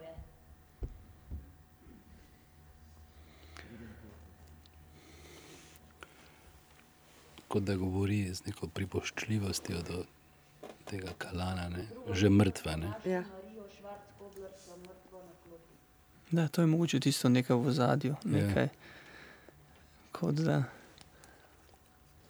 Je pa zanimivo, ker zdaj spremljamo pa še Kalanovo prekletstvo um, iz druge perspektive. Ja. Leže v postelji oblečen. Leži nepremično do jutra, oblečen. Izidor vstopi v gorenjo hišo, da ga spomni, da je danes ta dan svetega Ahaca. Ki je v bistvu zanimivo, da mu je tista slaba vest sina bila tako fizično prikazana v prizoritvi, te v bistvu stari dolgovi iz vojne in prihoda in ropi pa so v bistvu ne. bili ne tako fizično odigrani ali pa uprizorjeni. Ne? Zaradi celostnosti predstave se mi zdi, da Ker je to preteklost. Ne? Ja. Mogoče ker je daljna preteklost. In... Pa tudi, ker je v vojni marsikaj Ja. ne, dovoljeno. Mm. Pa ko ona tako drži tisti kufr, se mi zdi, da že s tem je to vse povedano, ne? v tisti beli obleki. Mm. Genialna ta, Ja. mislim, ganljiva, mislim, fantastična. Ne bo zadovoljen, ampak reci mu, da ocenjujem, da je to, kar ponujajo premalo. Iz dogovorjenega ne bo nič, tudi če ponudijo več. Izidor še čaka, nikar ne reče več ničesar in Izidor odide. Desetih zjutraj prispe Izidor do mestnih vrat Škofe Loke. Tam plača mitnino, pristojbino za plač, tržnino. In takoj svojega konj, konja spravi k Volgemutu, Se pravi, v opisovanju didaskalije je Klemen se po mizi premaknil do Izidorja, Tako, Ne. torej do Aljaža. do Aljaža. Sedi na mizi, noge ima na stolu, medtem ko Nina stoji za mizo in je z rokami oprta na njo. Aljaš pa se pripravlja na dogodek. To je bilo ustarjeno eh, veliko dramaturško delo na tekstu. Ne? Kar, se manj dan in vsi so tam. In potem prispe Ja, adaptacija to vrstnega romana a, v klasičnem smislu bi bila vsekakor ne samo verjetno napačna odločitev, ampak tudi izjemno um, težka, um, Absolutno, tako ja. obrtniško, kot potem tudi uprizoritveno. Ne? Itak, ja. Kje boš to prizarjal? V bistvu bi bilo čez brez veze. Vse to se tudi potem pojavlja vprašanje, koliko bi sploh bilo to smiselno. Seveda. To V- pa odpira zanimive gledališke Tako. ne, kode. Ne? Ja. Ta miza mi je v bistvu res tak. Um, Ko je en prepovedan prostor, kot secirnica, kjer jo v bistvu pač obvladujejo, kjer skozi um, pre, pripoved in metamorfoze se en ideolekt ustvarja, ki tudi v povezavi z glasbo in z celo atmosfero Ja. daje eh, gledalcu še, še skozi medij kamere zdaj, da je en tak občutek, da se pa ni dobro preresno imati samega sebe in absolutno ni družina um, celica družbe. Sedaj so vsi stali, ostali stojijo za mizo, razen Klemna, ki pa kleči in je oprt na njo. Tamara ima še vedno v rokah kovček. Vrni se k mizi, danes je tržni dan za žito in ne za žene. In se vrne k mizi. Izidor opazi Jeremijo Vukina, modre oči, ki iščejo Polikarpa, ki je Polikarp. Aljaš Ivanovič trenutno v vlogi Izidorja in Tamara v vlogi uh, Margarete. Samo stojita ob mizi, um, dogajanje pa orisujeta, opisujeta, komentirata um, Klemen in Nina.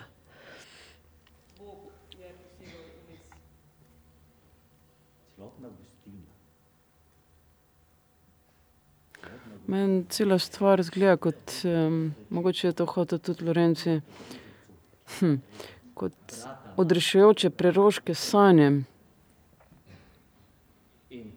Nekaj, kar bi ta vzorc družinske hemisfere um, odstruplo skozi teater.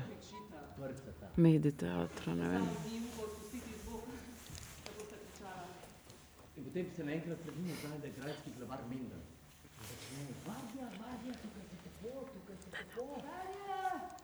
Oba vrata v trenutku na kolenu, sklonjena Izidoru stanu. In seveda grajski glavar ugotovi, da so tajčarja, da tajčarji pa že ne tako. Pravi je kriv Izidor. In Izidor ne poklekne. V njega se naseli poljarska ošabnost. Ne bo pokleknil. Spet slišimo glasbo, ki dodaja suspens uh, dogodku. Bere se množica. Vsi grejo za Izidorjem. Pridejo na mesto trg, tam jih že čaka Nikol Švajskih. Pa ko ga zagleda, nisem si mislil, Fokus se je sedaj um, preselil na Izidorja, torej na Aljaža. Pa je rado tako, da se začne sklado jenja pa na gavžniku. lenega vklada in vsi ga gledajo. Za visoški. Čigav? Visoški. Ja, nekaj že če vklada. Nekaj že če vklada, ne? Vsi se kropotajo in počasi se razbežijo. Vroče je ta dan. In mimo pride še Janez Hašper. Novi župnik. Aha, nismo še povedali, da je bila poroka med Izidorjem in Margareto odpovedana Odpovedana, zaradi ja. božje volje, um, domnevno. Je To je tudi razlog, da se je Tamara usedla. Um, Izidor pa je sedaj na trgu, stoji na mizi Aljaš. obleko mu briše pot obraza. In Izidor reče ničesar. Po preteku približno dveh ur pride Nikol nazaj in ga odklene. Izidor odhiti do Volgemuta, vzame konja in se za konjem skriva, ko hodi čez okno, da ga ne bi kdo opazil. In ko pride do Oslovske ulice, tik pred mestnimi vrati, ga opazi krohot, smeh, zaničevanje. In osramočeno jezdi nazaj na visoko. Veliko hudega je doživel iz Borkalada.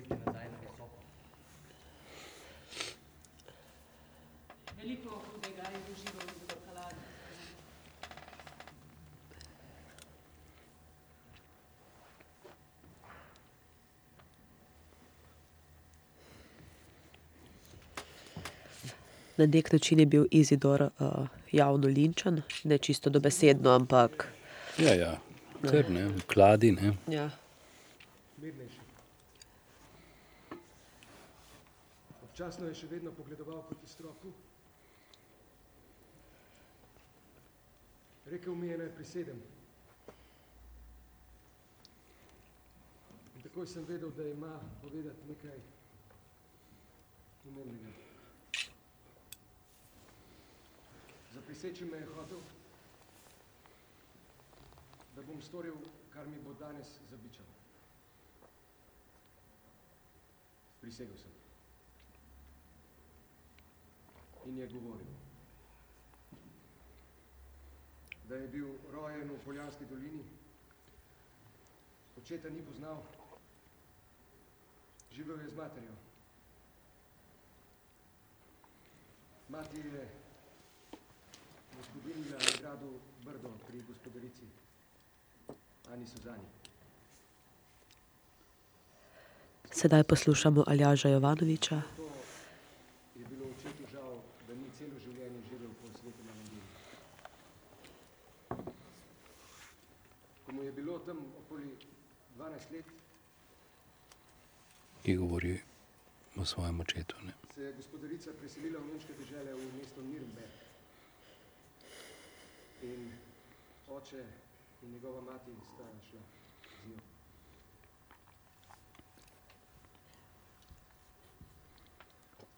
Ko je bil star 20 let, je gospodarica umrla in kmalu za njo je umrla tudi njena mati. In oče je ostal sam. Še vedno gledamo visoško kroniko v režiji Jrneja Lorencija z ansamblom SNG Drama Ljubljana.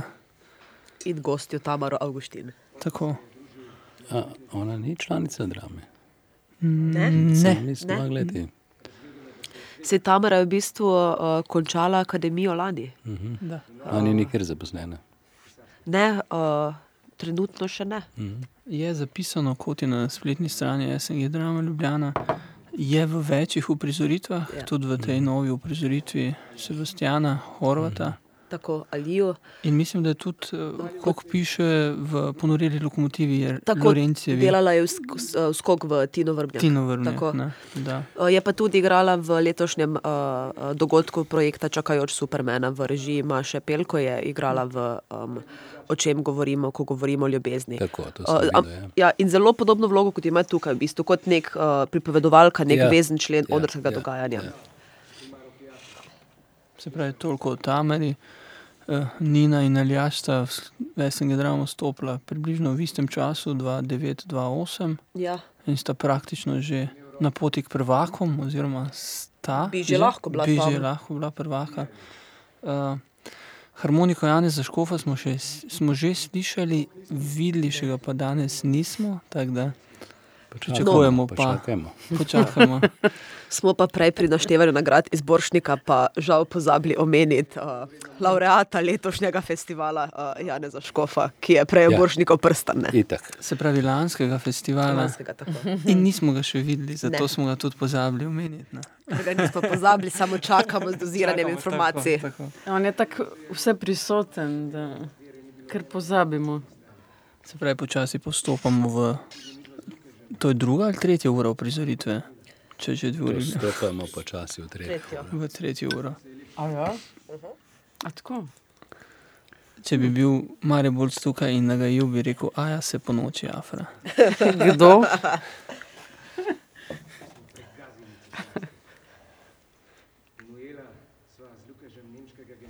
To je zdaj izpoved sinu Izidorju, očetova izpoved sinu, kaj je v bistvu storil s tem denarjem ne, in lukežem. In...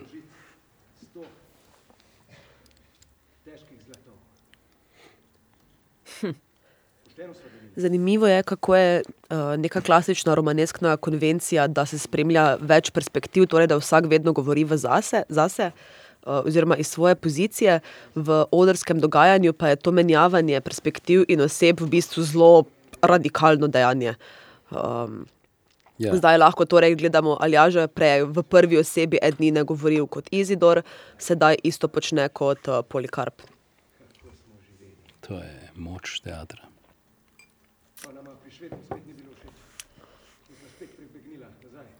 Če verjameš, verjameš totalno vsem radikalnim zadevam, če verjameš. Ne? In te tako lahko očara in popelje noter, da skozi vse nelogičnosti, ne, česar nobena druga umetnost ti ne zmore. Ne? Recimo spomin, ta minljivost teatra, ne, ki ostane samo na, na nekem posnetku, na nekih fotografijah, ti posnetki zbledijo s časoma. Ne? Zdaj so zmeri boljši, ok. Ne? Ampak je vse, kar ostane ne? od predstave, ti se ti pa lahko vtisne tako globoko v spomin kot noben film, kot nobena knjiga. Ne? Zna biti strašno. Prav zato, ker je živa, verjetno, ne? ker gledaš Da. živega človeka. Ne? Film se, film se ti dogaja v glavi, tu pa dejansko se stvari dogajajo pred tabo, oziroma si ti tudi v njih s pogledi iz odra. Tako pa film je v svoji osnovi ponovljiv. ne. Um, Ja. Ja, če bi bila malo freudična, bi rekla, da film je zelo oralen, teater je pa zelo analen.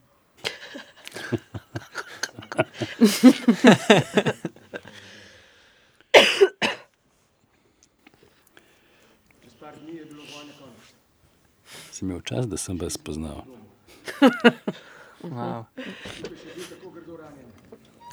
Po taki izjavi Veš, ne, hvala. bom Marko. rekla hvala enako. ja, nam je čas, da ste z nami. Hvala, Nika. Kdo? Ja. Si. Koga vikate? Je še kdo z nami tukaj? Ne? Pardon, ti, Marko. Ti, Marko.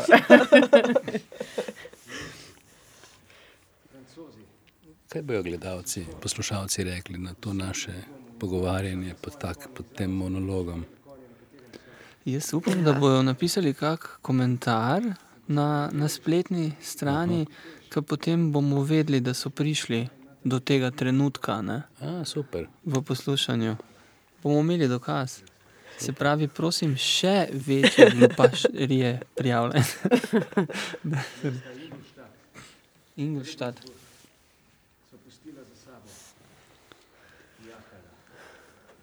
To še zmeraj pripoved Kalanova, sinu Izidorju, o prijateljstvu z Lukežem in kako ga je opeharil. ne.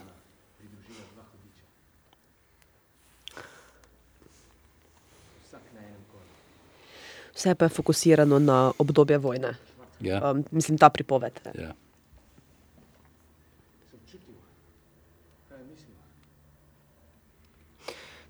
Meni je ful um, dražestna ta, um, to mikrodoziranje nemščine. Ne? Ob katerih momentih vskoči. Ne?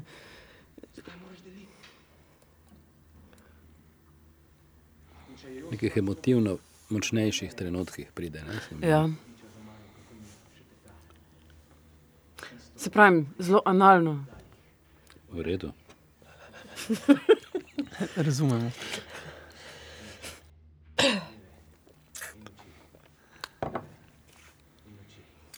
Sva prijahala do točke, levo Ajsave, desno meja. Čas je, da deliva. Jož ti je rekel, da greva njemu v vas, pa sem rekel, o ne, ne, ne, ne, ne bratec. Tako pa ne bova jaz darila, ne, ne, da me bo imela cela tvoja družina v pasti. A, ne, ne, tukaj bova delila. Prav tukaj bova delila. Če mi gledamo zdaj to skozi medikamere, ne, posnetka, eh, tisti, ki nas bojo poslušali, bojo pač poslušali ne, in si po svoje predstavljali mm, ta kaos ne, izjav in um, Podob. Podob, podob od podobine podobe. Ja. To, in točno to je naše delo, ne? da probamo Ja. to podobo uh, narediti enakovredno ogledu prizoritve, če lahko zelo ambiciozno povem. Ja, Kar, kar ambiciozno. Ja. enako vredno. Jaz pa mislim, da mogoče enako vredno. To bom pa mogla malo premisliti, če je sploh možno. Luka že vdelež, gre z mano. Je pa bi mogli v bistvu to enakovrednost postaviti ob bok nekoga, ki, ki je predstavo videl v živo. Ne?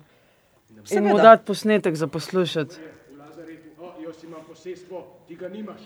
Luka že vdelež, gre z mano. In prišli smo do um, trenutka um, o v bistvu deljenju vojnega dobička oziroma um, Polikarpovi izdaji. Svojega prijatelja Lukaša. In ta zgodba bo seveda pogojevala nadaljno življenje Izidorjevo. A ni zanimivo, recimo, um, mimika ne? ob pripovedovanju, ob v skoku v nek lik, ne? naprimer, kak se, kak, kak, kako je njemu ime, pardon, pozabila sem. Aljaž je. Aljaš, Aljaš. Kako se je pet minut držal za bok, ne? Po pa v enem trenutku je pa pozo Zavisi- izstrelil. Ne? Ja, zavisi, kako je fokusirana pripoved Ja. in, in notranji naboj. Ne? Ja, in točno v pravem momentu. Se je vendarle Aljaš Ivanovič. Ja, se je vendarle res. Vodil po truplu, da sem ga zakril. In suhimi vejami sem, sem prikril še travo, ki je bila prelita s krvjo. Vse sem prav dobro opravil. Prideš po me, ja. Prideš ti po me, ja. Prideš. To ima. To pa Savarca v mislih, ki je rekla, da bo prišla ponj kot mrtva, ker je sumila, da je to on tisti, ki je pobral denar njenega moža. Mož je, bil, mož je bil pa pravkar umorjen, ne? um, ja, Jož Švarcohober. Ja.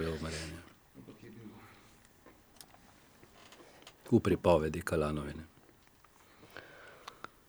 Nika, govorite si, da se Aljaš kakšen pa urce naprej slekel, zdaj je popolnoma oblečen, uh -huh. zaprto srajco. In zanimivo se mi zdi na, na, na sakoju ta količina gumbov. Jaz sem res isto sem hotel reči. Da zgleda sako, kot da bi ga naredila pokojna Majda Kolenik. Tako lepo. Da. Ja. Uh, uh, trenutno si um, kostumografijo Aljaža uh, interpretiram, oziroma kostume, ki jih nosi, da ima um, zapeto srajco, oziroma da je urejen takrat, ko je polikarp in ko je bolj um, slečen in razpuščen, Sin uh, je pa sin Izidor. Ta količina gumbov pa nakazuje na neka.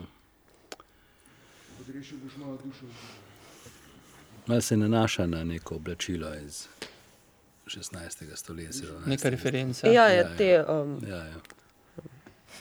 Zapomni si, kaj ti bom zdaj povedal. Evo, da slišimo. To je važno. Na dolgo pot. Zato, da si opere vest, mu to sinu govori. Prispel boš do velike reke. Tam je mesto Pasau. In v mestu Pasau boš vprašal po vasici Irishaven. In v vasici Irishaven vprašaj po Joštu Švarckoglerju in njegovi vnukinji Agati Švarckogler. To deklico, Izidor, moraš pripeljati na visoko, naj te stane, kar hoče. Kajti ona je lastnica dobre polovice tvojega imetja. Moja želja je, da jo zaslužiš, ker visoko ne bo moglo brez gospodine. Če ne bo hotela, ji ne delaj sina. Izplačaj ji polovico svojega imetja in ta zemlja, Izidor, ostane pri tebi. Naredi boš, kar sem ti ukazal in naj ti sknije jezik, če kdaj prelomiš, ker si prisegel. In res, tam okoli Božiča mi je oče prepisal visoški dve kmetiji. Tako, Tako. pa smo dočakali Jane za škofa. tako. Vse svoji prezenci se je usedel na desni stol. Bliže publiki. Je Stopil je na z desne strani odra in sedaj sedi na vogalu. Mize.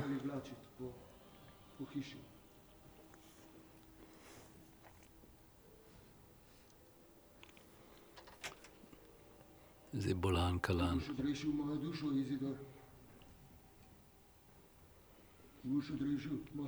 Izidor. In občasno je samo še grabil po skrinici in po svoje. Zanimivo je, kako je bil Polikarp Kalan celo življenje močan, robusten, okrut, um, krut uh, človek. Uh, na stara leta se je pa v bistvu um, spokoril in skuš, mislim, ni on hotel, ni naredil pravi, um, prav, oziroma popravil napak, je zadal si, ni to odgovornost prelo- preložil na sina, kar ne, um, ni čisto enako, ampak um, do neke mere se pa dušo. Torej, v skrčeni pozi je Aljaš stopil na mizo in zdaj tudi po mizi. Ja, v drži je zelo sključen, uh, desno roko ima čisto pri ušesu, grbasto se drži, um, levo roko ima sklonjeno uh, do kolen, um, zelo okorn je v pasu, noge premika S težavo. tako, komaj da jih pokrči. Spremenil je tudi glas. Ampak še zmeraj deluje ogromen. Kot neka zgrbljeno drevo. Sedaj se počasi uleže na mizo, skozi ponavlja, "Izid- odreši mojo dušo, Izidor.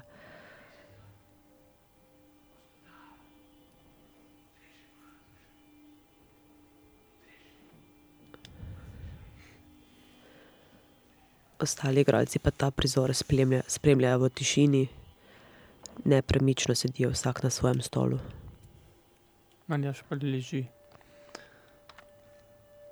ja, verjetno se je poslednjič ulegel. Polikar. Tako. Nikola menjava. No, Igralci odhajajo iz odra, Aljaš je ostal, za mizo je ostal Janez Škof. Veliki prip pripovedovalec. Tako.